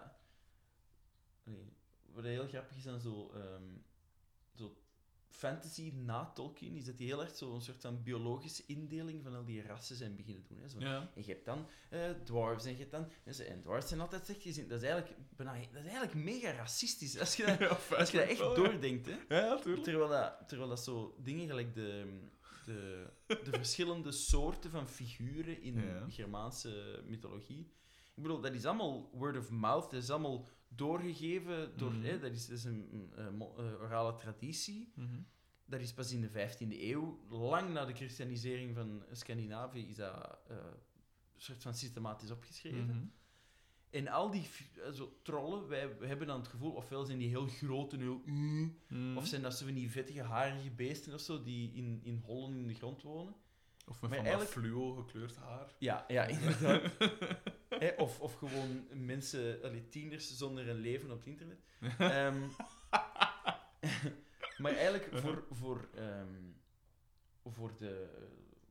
allee, bijvoorbeeld het, het, het idee van een reus Ja. hè, is een... Is een eh, bijna een, een 19e eeuws concept van een reus als zijnde iets heel groot. Ja. Eh, een reus bij de Germanen of bij de, bij de Vikings of bij de, eh, Mhm. in de Noorse mythologie was eigenlijk een, een soort van godfiguur, Mhm. maar ehm, die stond voor een soort van ehm, natuurlijk fenomeen. Dus dat kon een berg zijn, dat kon een golf zijn, dat kon een bepaald stuk van een bos zijn. Mhm. Ehm, en dat kon groot zijn, maar dat kon ook heel klein zijn. Dat kon menselijke grootte hebben. Dat, kon... Ah, ja. Allee, dat is eigenlijk helemaal niet een soort van soortindeling of zo. Ja, ja. En de goden waren niet allemaal groot en blond en whatever. Die hadden verschillende vormen, die konden verschillende vormen aannemen. Mhm. Dus dat was al, eigenlijk altijd helemaal... Ja... Dat, dat, dat is veel minder ehm, systematisch als je zou denken. Ja, ja. Ik bedoel, Mhm. die, die goden waren ook allemaal... Zeer, allee, gelijk uit de Griekse mythologie weet ook Mhm. wel. Ja. allemaal klootzakken zijn. Hè. Die Germanen, die hebben allemaal de st- stoemste debielen dat je kunt voorstellen. Die, allee, dat zijn zo van die... Dat is ongelooflijk als je de Edda opnieuw leest. Ja. Er zijn zo echt zo scheldliederen tussen Odin en Thor, die zo allebei in hun menselijke vorm zijn. For some reason, die komen elkaar tegen, eh, aan een rivier tegen of zo. En die beginnen elkaar uit te schelden. Van, ik heb uw vrouw geneukt. Eh, echt zo mega kinderachtig en dat is Ja. kei grappig. En daar wordt ook helemaal niet zo, zo systematisch als het christendom naar gekeken. Ja. Als je moet die aanbidden of zo. Dat was bijna een soort van uitwisseling van... Ik ga op zee, dus ik ga eh, bidden tot de god van de golven. Ja. Want als ik dat nu niet doe, dan gaat hij me misschien laten capseizen. Ja, natuurlijk. Maar als je dat niet nodig hebt, dan zit je er niet mee bezig. Allee, Ja, dingen, dat was een soort van uitwisseling. En veel menselijker, veel rustiger, veel... Wat dat de Romeinen en de Grieken eigenlijk ook vooral deden. Hè? Gewoon als ze iets Ja. in een bepaalde dingen Inderdaad. tot de juiste mensen... eh, Ja, inderdaad. Dat was echt een soort van... Dat was En een uitwisseling ook, van, van favors, eigenlijk. Het is een soort van maffia-ding. Eigenlijk waren die goden de ultieme fucking Don Corleone. Echt waar. Maar dat is echt, hè. Ja, tuurlijk. If you don't give me no uh, offerings, I'll fucking... I'll think you both. Ja, maar dat is echt. Uh-huh. Ehm, ja, nee, zeg maar. Ik, ik En, je. en als je zo ziet naar de manier dat er op... eh, eigenlijk sinds de pakweg eh, opkomst van christendom of zo, maar nu nog steeds om wordt gegaan met religie Mm. over de hele wereld, denk ik toch dat soms heel vaak ehm, een soort van eh re-evaluatie en, Mhm. en het inzien eh, van, van, van mythes en van, van wat ons mensen maakt, Mhm. dat dat heel relevant kan zijn ook ten aanzien van religie. Want aan zich heb ik niks tegen religie. Het is een beetje het systematische Ja. ervan. Dat echt een Het probleem instituut, is. het institutionaliseren ervan is een Ja. probleem. En ehm allee, ik bedoel, alles is gewoon mega relatief op dat vlak. Hè? Ja, om, het, om het zeer eh clichématig te zeggen. In de zin van allee, iets, iets zoals die, die hele controverse in, ehm, in Nederland van Zwarte Piet. Ik snap dat keihard. Ja. Want dat is, eigenlijk is dat heel racistisch. Absoluut. Maar als je gaat kijken van wat dat de originele functie van, van Zwarte Piet was, dat heeft niks te maken met dat dat, dat, een, dat, dat een Afrikaan zou zijn. Hè? Niks. Dat was dus hè, letterlijk in Oostenrijk zie je dan ook de Krampus. Mhm. Heb je dat, heb je ooit van Ja, dat is dus mij een iets. soort van- Eigenlijk is de Krampus. ehm, eh, ja, werd dan gezien als de assistent van Odin. Hè, want Mhm. de vergelijkingen tussen Si- Sinterklaas en Odin zijn... Allee, allee, een Ja. staf. Hè? Een staf, Ja. een hoed, oude witte man, hè? eh, een man met, wit, eh, met wit, eh, een witte baard, lange kleren. Ehm, hè, Appelsien. komt, eh, eh, inderdaad, alles ziet, hij weet alles van u. Ja. Hij heeft... eh, Odin had zwarte raven, hè, Hugin Mhm. en Munin, zijn twee assistenten, hè, die gingen rondkijken en zien of dat je... En, hè, Mhm. En ik bedoel, de, de, de, de overeenkomsten met Sinterklaas en dingen zijn. Tuurlijk. Ja. En, en ik vind het debiel dat mensen dan zeggen van nee, het is goed om die traditie te hebben. Fuck de eh, politiek correcte dingen. Dat, dat, dat, ik bedoel, Mhm. dat, dat is toch niet erg. Dat is eigenlijk wel gewoon, als je dat in de context van de wereld bekijkt, is dat echt nog altijd gewoon blackface. Ja, dat is echt tuurlijk. blackface. Ja, letterlijk. En ik letterlijk. bedoel, ik snap wel echt, zeker gezien de koloniale geschiedenis van Tuurlijk. Allee, alle ook, landen die, eh daar aan, die, die traditie hebben, Ja. vind ik dat ze er eigenlijk heel erg mee moeten opletten. Ja, tuurlijk. En dat is een 19e eeuws construct, hè. Zwarte Piet als een Afrikaan. Mm. Dat is daarvan. Ver, allee, ga gewoon terug naar de, Ja. naar de mega scary harige geiten demon. That will scare them kids. ja, het zal wel. Ja. Ehm, wacht, hè, ik, want ik ga je bijna laten. Ik pijs dat ik zelf bijna mogen op. Ah, nee, Ja, en al dat water dat ik heb zitten, denk ik, ik moet echt super hard naar. Ik moet echt super Ja, doe gerust, hè. Dat, is niet, dat, is al, dat gebeurt elke keer. Bijna elke keer moet er Ah, wel iemand naar het wc. Ah, oké. En Op druk je dan op stop? Of? Nee, Oké. dus dat is gewoon even stilte. Mm. Ja? Waarom Echt? niet? Waarom niet? Het is wel echt helemaal beneden, hè? Dat is niet erg. Oké, oké. Dus noods bes- beschrijf ik de kamer een beetje. Ja, ja, oké. En pak maar een variësement vast of zo. Ehm, moet ik nog water meenemen of zo? Nee, nee, nee, nee, nee. Nee, want we hebben ver gedaan, ze. Ja, oké. is goed. Succes, hè. Zal wel lukken.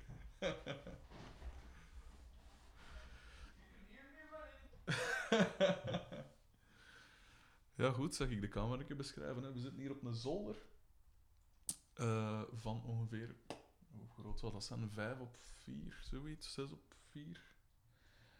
Ik ben omringd door snaarinstrumenten, gitaren, banjo's, eh, ja, die viola da gambas, die eh een sas, eh, noem maar op. En ik, oh, ik ben er zot van, van al die dingen. Wat je nu hoort, of gaat horen,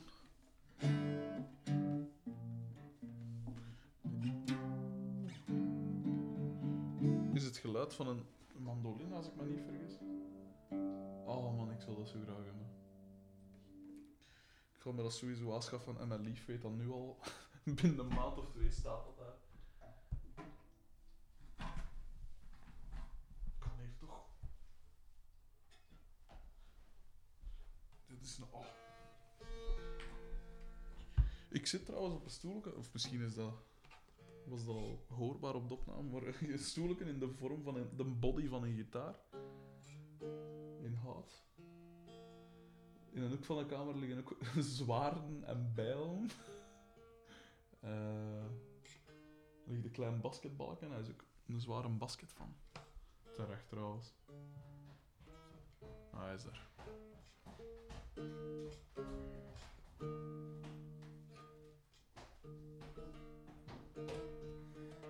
Was rap. Je hebt toch niet gesmost? Nee, nee, nee, nee, nee. Ik wil mee. Zullen we bezoekje aan het uitproberen? Ja, ik vind dat dat max die, is. Maar als je die Assassin's wilt... eh er is wel een snaar gesprongen. Oh,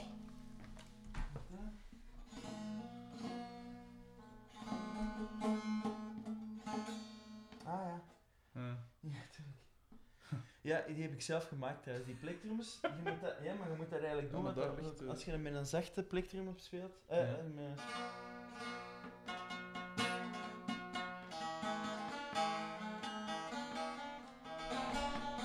dat en dat is met zo'n kwarttonen ook, hè. Ja.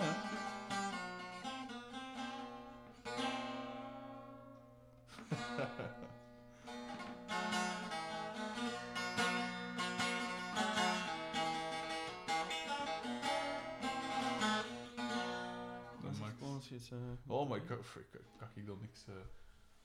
ik ben geen, eh, geen gitarist, laat staan een sassist. Ik zal een beetje eh entertainende achtergrondgeluid maken. Dat is ook wel iets van. Wat voor iets is dat? Het is gewoon een fluitje. Dus denk ik uit Thailand of zoiets. Mijn schoonmoeder heeft dat aan mij gegeven.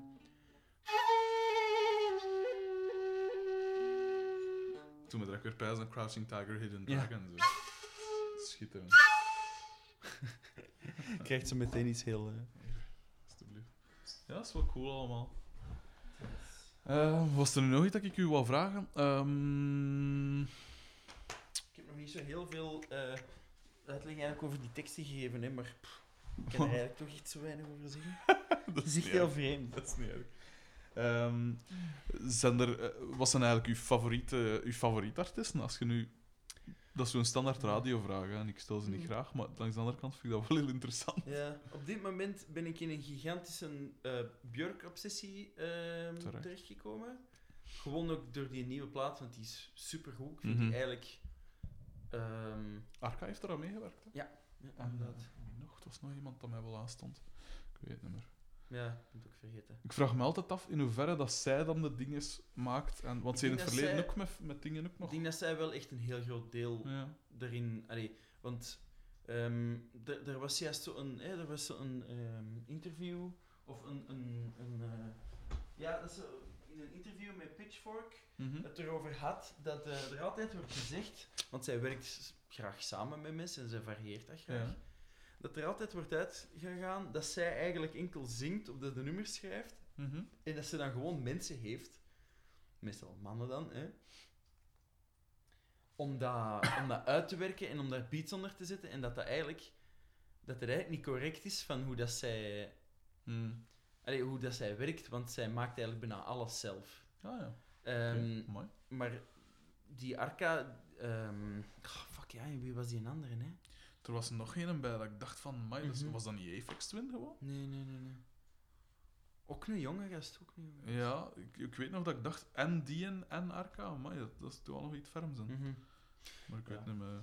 Ja, ik heb wel. ehm, die, ehm, ja. Maar zij maakt dus het meeste eigenlijk. Ja, ja. En, Ah, ook, mooi. en ook veel van de productie. Ik bedoel, eh, ook alle strijkersarrangementen maakt Mm. zij.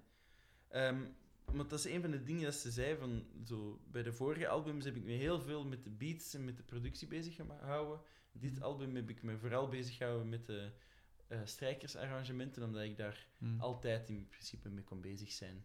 En ja, hè, omdat dat zo'n heel zwaar emotioneel album was en Ja. zo, is dat dan wel... eh, Ja. het is, ook wel, het is ook wel fantastisch dat ze zo is gegaan van die vorige CD, eh Biophilia, die zo heel theoretisch bijna was. Mhm. hè? Ook wel allee, heel schoon en ook zeer relevant met, ehm, met alles wat we hiervoor hebben zitten zeggen over religie. En, Ja. en, want zij heeft ook bijvoorbeeld zo een nummer met alle sche- scheppingsverhalen van over heel de wereld en zo. Hè? De max. Echt heel, heel cool. Zo, en, dan, en dan op het einde komt zo de, de Big Bang of zoiets. Ja. Dat is echt heel cool. Oh, mooi. Ehm, ehm, en ook dan met David Attenborough samengewerkt op een, op een Cool. nummer. Echt. Ehm, dat is echt een fucking genie. Maar, ehm, en die heeft ook al met, met keelzangers trouwens mee samengewerkt op eh, Medulla. Dat is zo'n Mhm. eh, eh, album met alleen maar eh, zang eigenlijk. Gesampelde zang ook soms, maar echt heel cool.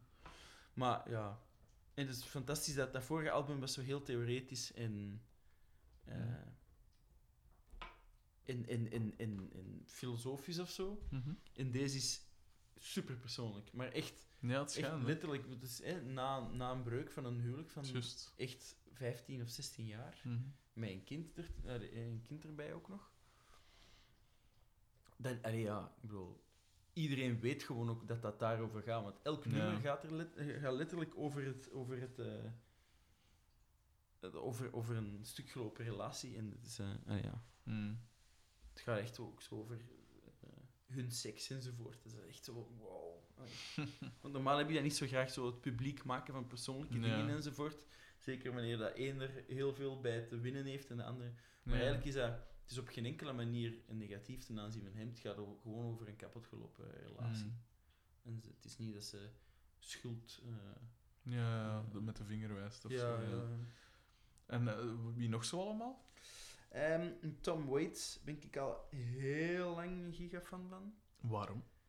Eh, waarom? Omdat, je- ja, ik weet toch dat mijn moe, maar Mhm. dat was jaren geleden, zei dat ze er een keer iets van opzetten. En dat was dan, als je daar nu had over, een- die krampus.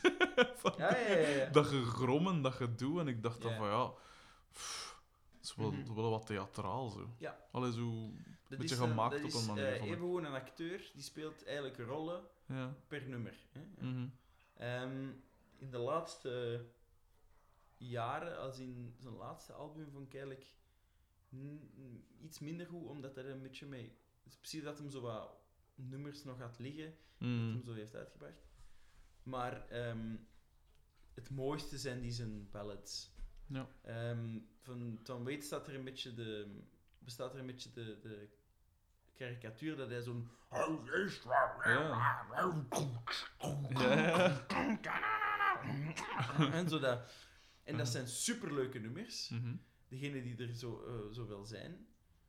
Ehm, en hij leeft die ook wel echt in de zin van dat hem wel echt zo'n. Nee, dat hem daar echt wel heel hard voor gaat. Dat dat niet een soort van. eh ha, ha, ha, ha, ik zal eens een keer belachelijk doen of zo. Want Mhm. echt, eh, sinds de jaren tachtig is die zijn stijl helemaal. allee, is die zo. Hè, die. ehm, ja, ehm, Oost-Europese variété slash gospel piano ballads Mhm. sfeer dat hem heeft. Maar die zijn ballads zijn eigenlijk wat dat hem echt een, een van de beste songwriters ooit maakt. Oké. Eh, eigenlijk zelfs de beste tekstschrijver ooit, vind ik. Die kan met heel, heel, heel ehm sumiere zinnen, Mhm. en ook met heel uitgebreide zinnen, met heel veel scheldwoorden enzovoort, ehm, kan die prachtige personages schetsen. Mhm. Of die kan me heel indirect, die kan zo. Hè, wat, wat ik heel mooi vind in lyrics is indirect zijn. In de Ja. zin van zo, net zoals dat in films is, wanneer dat je, wanneer dat je wilt tonen dat iemand. Ehm, ah, een perfect voorbeeld is, is dat niet. Ik denk dat. eh, Kipling heeft, denk ik,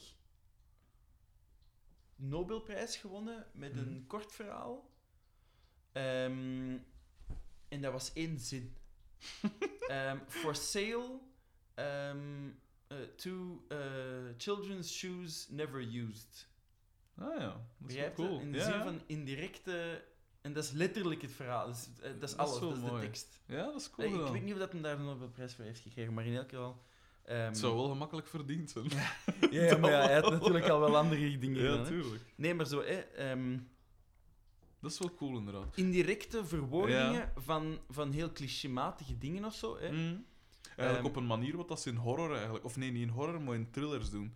Door niet te tonen Ja. wat de dreiging is, dat het eigenlijk juist be- bedreigend wordt. ja, ja, zo. Maar dan Ah, uiteraard... eh, Maar gelijk, eh, bij, eh, in emotionele situaties bijvoorbeeld, dat, ik heb dat heel graag in films, dat...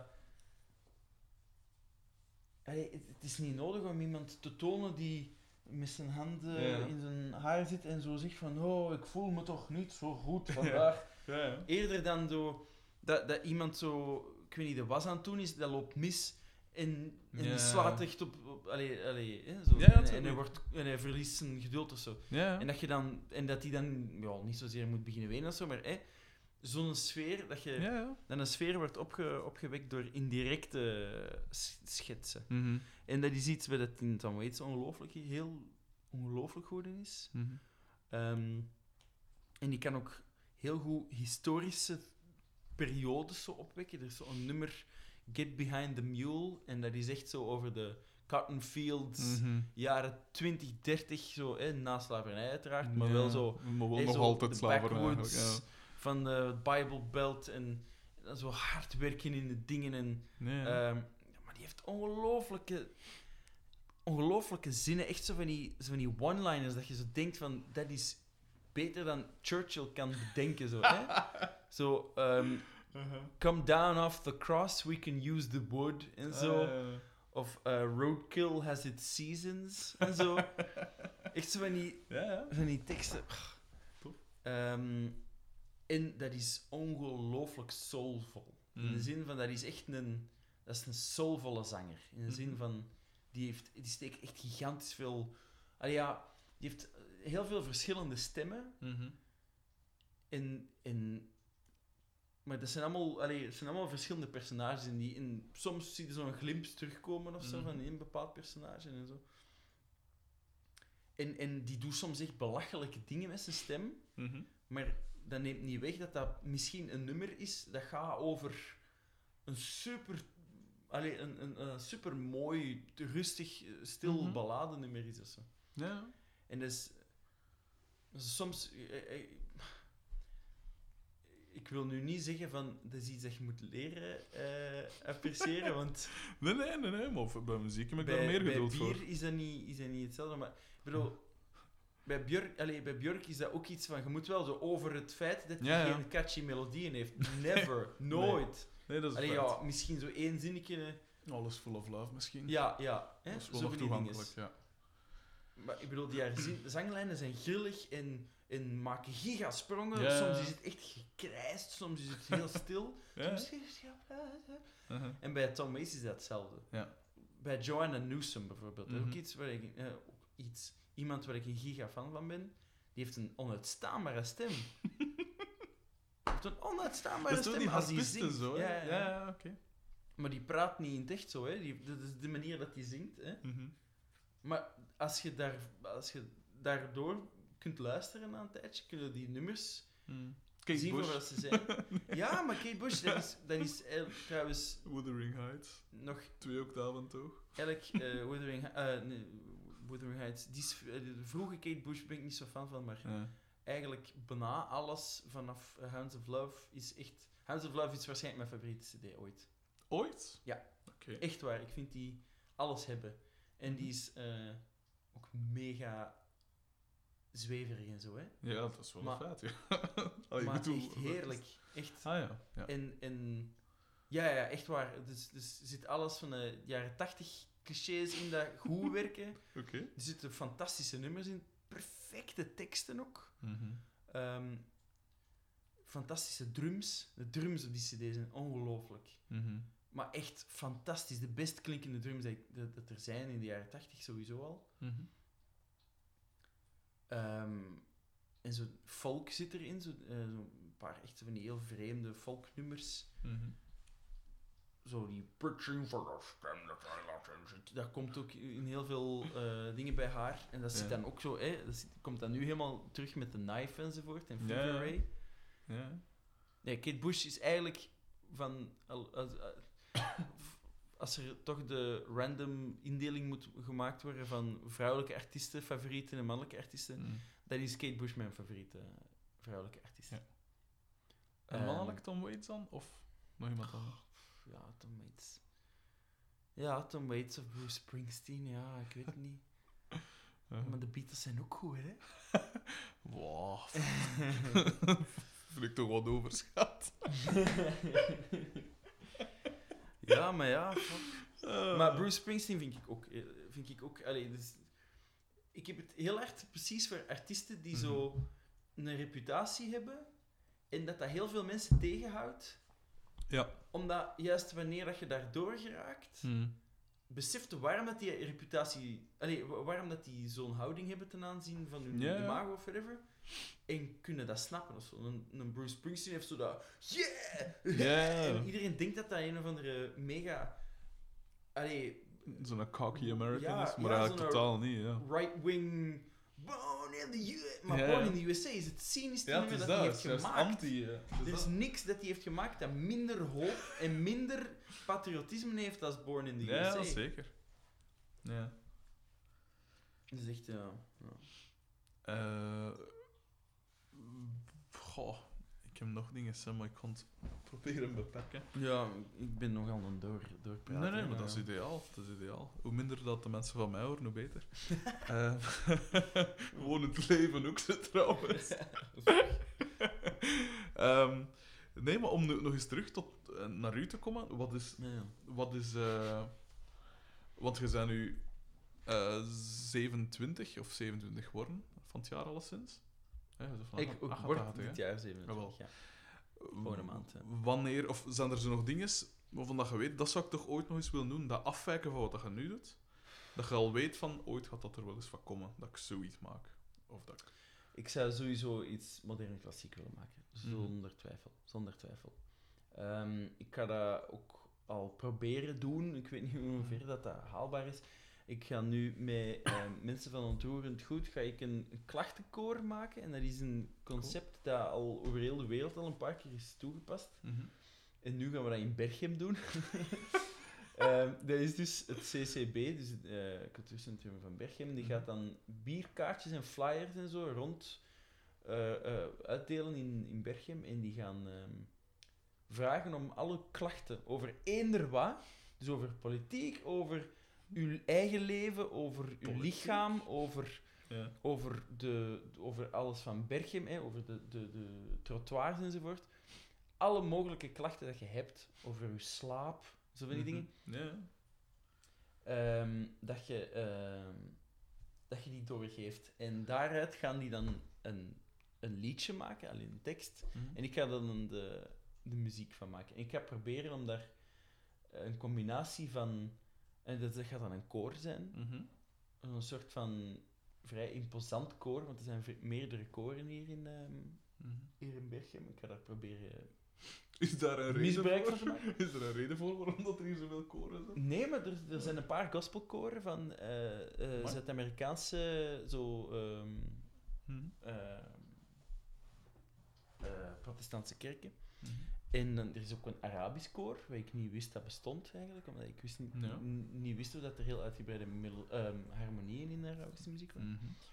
En ook van de academie ook en zo. Ja. En eh, ik ga dat proberen misbruiken dan. Eh, dat er zoveel koren zijn. Ik ga er proberen iets speciaal van te maken. En dan in combinatie met de overvloed aan Turkse muzikanten dat hier zijn, want er zijn hier echt heel veel. Racist. Niet misbruik van te maken, gebruik van te maken. Ja, maar omdat je zegt, de overvloed, er is echt Ah ja, heel overvloed. veel. Nee, nee, nee. ehm, echt eh, een luxe, luxe van zoveel Turkse muzikanten. Nee, maar echt. Want dat, zou echt, dat is ook een hele speciale ehm toonaard enzovoort. Mhm. Ehm, dat je zo niet zou verwachten. Allee, zo, ja. Mhm. ja, ik kijk er wel naar uit eigenlijk. Ik kijk er heel erg naar uit. En dat, dat wil ik wel zeker wel eens doen. Ik wil ook meer voor film werken, meer voor theater ook wel. Mhm.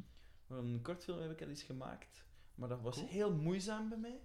Mhm. Heel moeizaam. Ehm, ik heb ook wel eens een keer voor tv gewerkt, maar dat was heel moeizaam en niet zozeer voor mij. Ehm, vooral omdat ze eigenlijk in What is Something wilden gebruiken, maar dan, Mhm.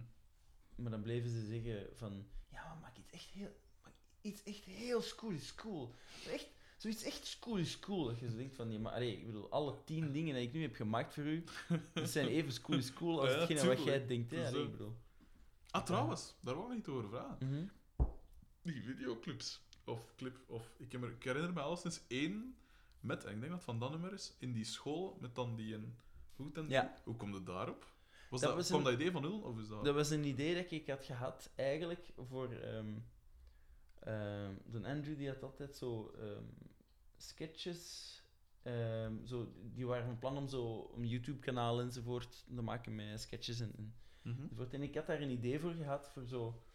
Een beetje zo'n 500 Days of Summer sfeertje, zo dat mega cliché van zo Ja. indie romance shit. ja, echt zo dat ik zo echt hatelijk vind, omdat het eigenlijk nog altijd wel gewoon romance shit is. Uh-huh. Ehm, en ehm, zo hè, van twee mensen die met dan zo van die ukulele-muziek, die dan zo verliefd op elkaar Aha. worden.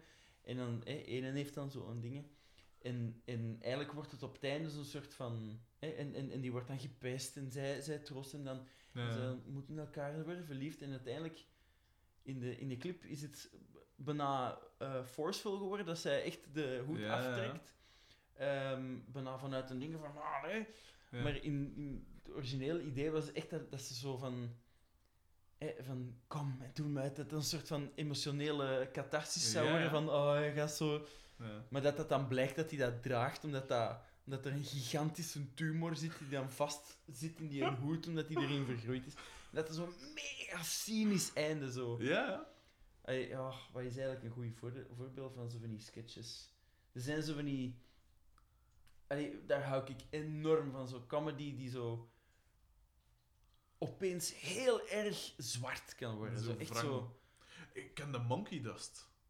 Ah, eh, dat is zo animatie, denk Ja. ik. Ja, ja, ja, ja. Dat is, Met die vader... dat is ja, gemaakt door die gast dat Greg speelt in Extras. Die een irritante andere acteur, waar dat zo altijd met wetijvert. Zo. Ah, ja, ja, ja. Die heeft dat meegemaakt. Allee, mee, meegemaakt, want een oorspronkelijk een bedenker is gestorven aan kanker. Tijdens, of nee, die een- had terminale kanker terwijl hij die reeks maakte. Monkey Dus- Dust. Ja, dus dat is zo'n heel zwartgallige maatschappijkritiek, maar dat is Ja, supergoed. Ja, ja, ja. Ik vind dat, dat is, echt- Dat is inderdaad... Dat is zeker extreem deprimerend, hè. Ja. Maar echt inderdaad. ferm. Want ik schrijf, ik heb ook zo wel een blog met ook zo wat een soort Mhm. sketchachtige manie. Mhm. Sketch klinkt altijd zo lollig, maar het is ook weer zo met van die Mhm. wrange dingen en maatschappijkritische dingen. En dat is wat dat Monkey Dust in, in, eh, Mhm. in, tv-vorm doet, probeer ik zo wel in geschreven vorm Ah, te doen. cool.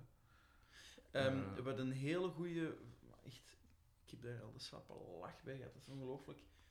Eh, The Perry Bible Fellowship. En Dat is, zegt mij iets. dat is een comic, een online comic. Super Ja! schoon getekend.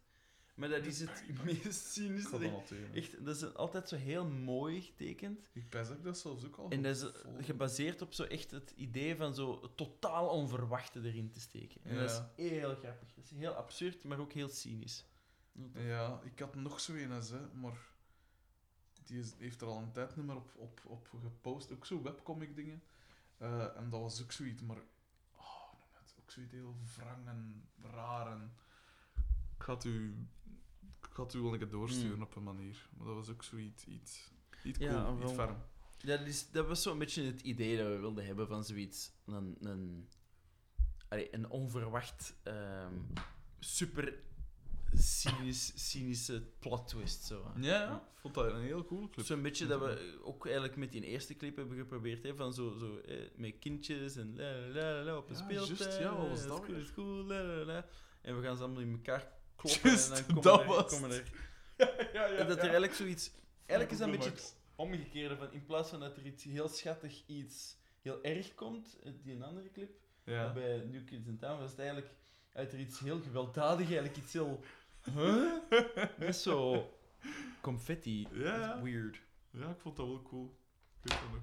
Dat was, eh, eh, allee, eigenlijk het originele idee. Hmm. Allee, m- mijn idee was echt dat we gewoon echt een extreem bloederige clip gingen doen. Dat we echt gewoon kinderen uit. Zo, echt zo. Ja, ze zijn echt zo, zo Allee, overal man. bloed. Echt zo super zwaar. Dat was eigenlijk het originele idee. Uh-huh. Maar toen hadden ze gezegd van. Ten eerste is dat ook wel heel moeilijk om te doen. Ja, en ten tweede, allee, veel duurder ook. En confetti is veel makkelijker. Ja. en ook misschien iets minder. eh, want, ja. Dat had wel echt... dat had wel aandacht ge, Ja, dat kan ik me wel voorstellen. als, ja. we die, eh, als we die clip hadden. Dat kan ik me wel voorstellen. Ja. Ah, schitterend. Wel, eh alleszins, ik weet niet hoe lang dat we, ik denk dat we toch gemakkelijk twee uur bezig zijn. Maar, Ehm, maar ik vond het super interessant. Eh, veel veel eh, overeenkomsten of allerlei dingen dat, dat, waar ik u zeker in gelijk geef. Ehm, eh, merci dat ik op uw vreemde instrumenten mocht spelen. En dat, dat is geen eufemisme. een vreemd instrument. Ehm, eh, ja, ik zei, het, ik vond het heel tof. Ah, ja, nog één vraag. Hm? Wie wint, eh, wie wint een titel van het jaar? Golden State. Toch? Ja. ja. En waarom? Omdat ze gewoon supergoed zijn. Omdat ze beter zijn. Mhm. Eh, ik, had, ik hoopte zo hard op de Spurs.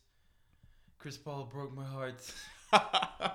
Echt waar, verschrikkelijk. Maar als Ja. het niet Golden State is, hoop ik eigenlijk op de Clippers. Omdat je dan kunt zeggen van, we hebben verloren van de beste. Ook, maar omdat, ik bedoel, die hebben gewoon echt keihard gevochten in die seven, seven game series van de dingen, van ehm, tegen de Hmm. Spurs. En ik gun het de Rockets echt niet. Echt ja, waar. wel En hell. oké, nu de laatste jaren is het nu wel zo wat minder, maar vroeger waren de Clippers toch echt wel totale, totale losers. Ja, maar en, Daarom gun ik zo het ze ook wel extreem, zo. extreem zagen over, eh, over fouls en zo. Ja, dat vind ik wel... nu, maar, en ze zijn nog altijd eh, eh, hoogste in de league met eh, technical Ja, ja, fouls. qua Maar, zagen, dat is een feit. maar ik bedoel, Blake Griffin is echt een fucking monster. Nee. Dat is echt. Die heeft dus in die. In die, in die Een triple-double, hè? Maar constant. Ja. Constant. Back-to-back, de eerste sinds eh, Jason Kidd. Assists, Ja. rebounds, eh, punten. Maar allee, dat is Ja. echt dat is bovenmenselijk. Ik Nee, bedoel, dat is zot. Eh, Tegen Tim Duncan dan nog, hè? Maar ja, Dat dan nog eens ook. tegen Tim Duncan en Niet tegen... en, eh, allee. ja, voilà. Ja, dat vind ik heel knap. Maar Golden State, het is, ze, zijn, ze verdienen het omdat ze, ze hebben op dit moment de, het bas, ze hebben basketbal een beetje veranderd. Ja. Ze, ze hebben NBA basketbal Ja, ja, veranderd. Ze zeker. zijn- er gaan, eh, Gewoon volgens mij gaan ze proberen om allee, ehm, toch iets meer aan te moedigen om toch meer naar binnen, allee, low eh, high percentage shots te gaan Ja, nemen. Want die drie punten, het is, het is oneerlijk gewoon. ze zijn gewoon te goed. Ja. hè.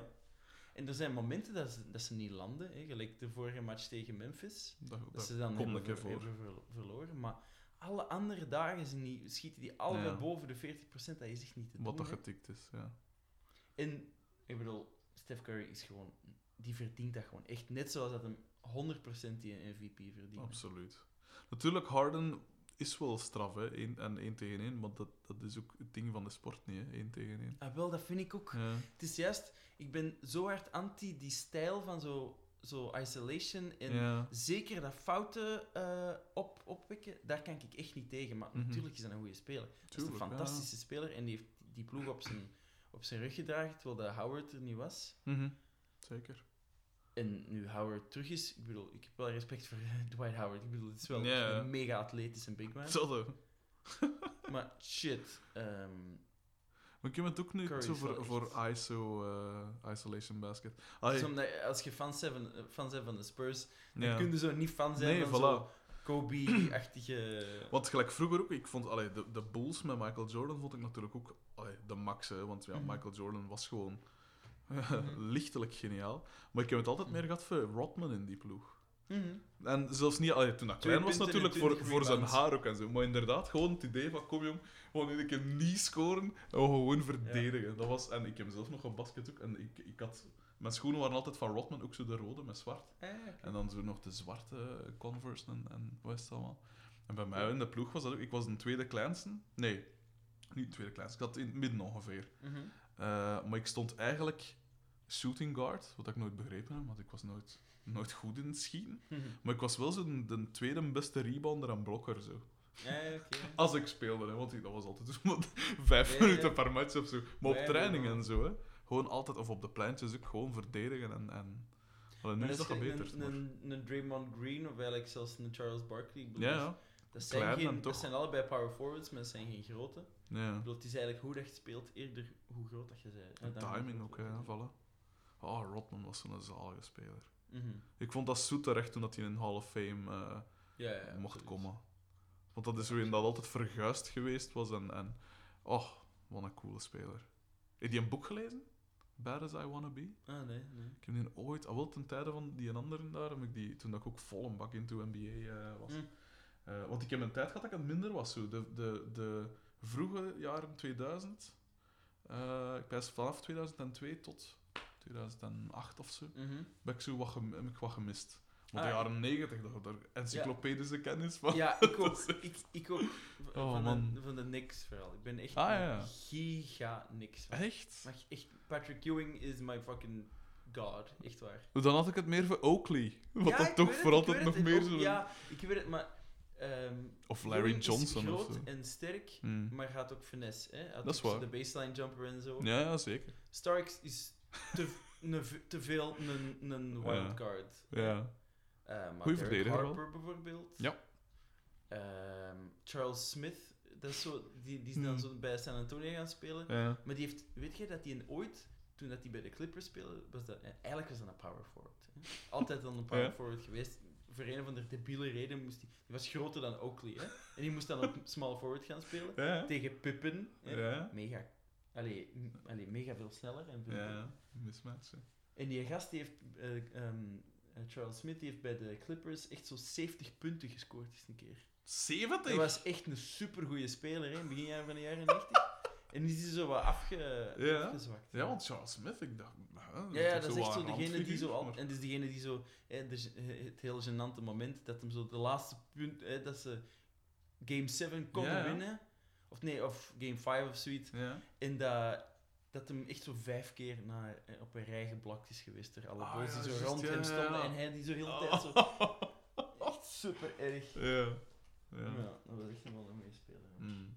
Maar ik ken zo echt, eh, ik wil alle bench players ook nog zo. Anthony. Mason is al lang zo overleden. Ja, inderdaad. Anthony Mason. Nogal zo'n bear.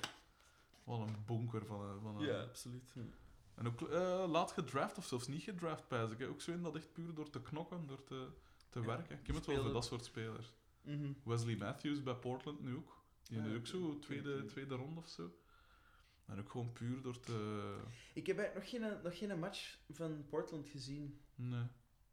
Ehm, ik ben nu wel benieuwd, omdat Aldridge net schijnt naar dingen gaat, naar eh, Sprake van dat hem zou weggaan. Hè. San, San Antonio. Hè. Ja. Zou wel goed zijn. ja. Wat doe je dan met Duncan? Zetten die dan op center? En, en Dat zou of misschien wel een goed idee zijn. Hè, ja. Weer niet. Je speelt soms als center, als die jou... eh, Ja, of splitter of zo. Ja. Ah, ja, ja, ja, dan wel, ja, tuurlijk, ja. Nee, nieuwe Twin Towers, hè. Gelijk met Robinson. Robinson vond ik zo'n coole speler. Ja, een- Maar die is, ja, maar die is zo, die is zo perfect. Dat Ja, vond ik, daar had ik echt het probleem mee, omdat dat is wel waar. ik bedoel, dat is zo'n knappe gast met zo'n perfect haar, Ja. extreem gespierd, maar echt zo.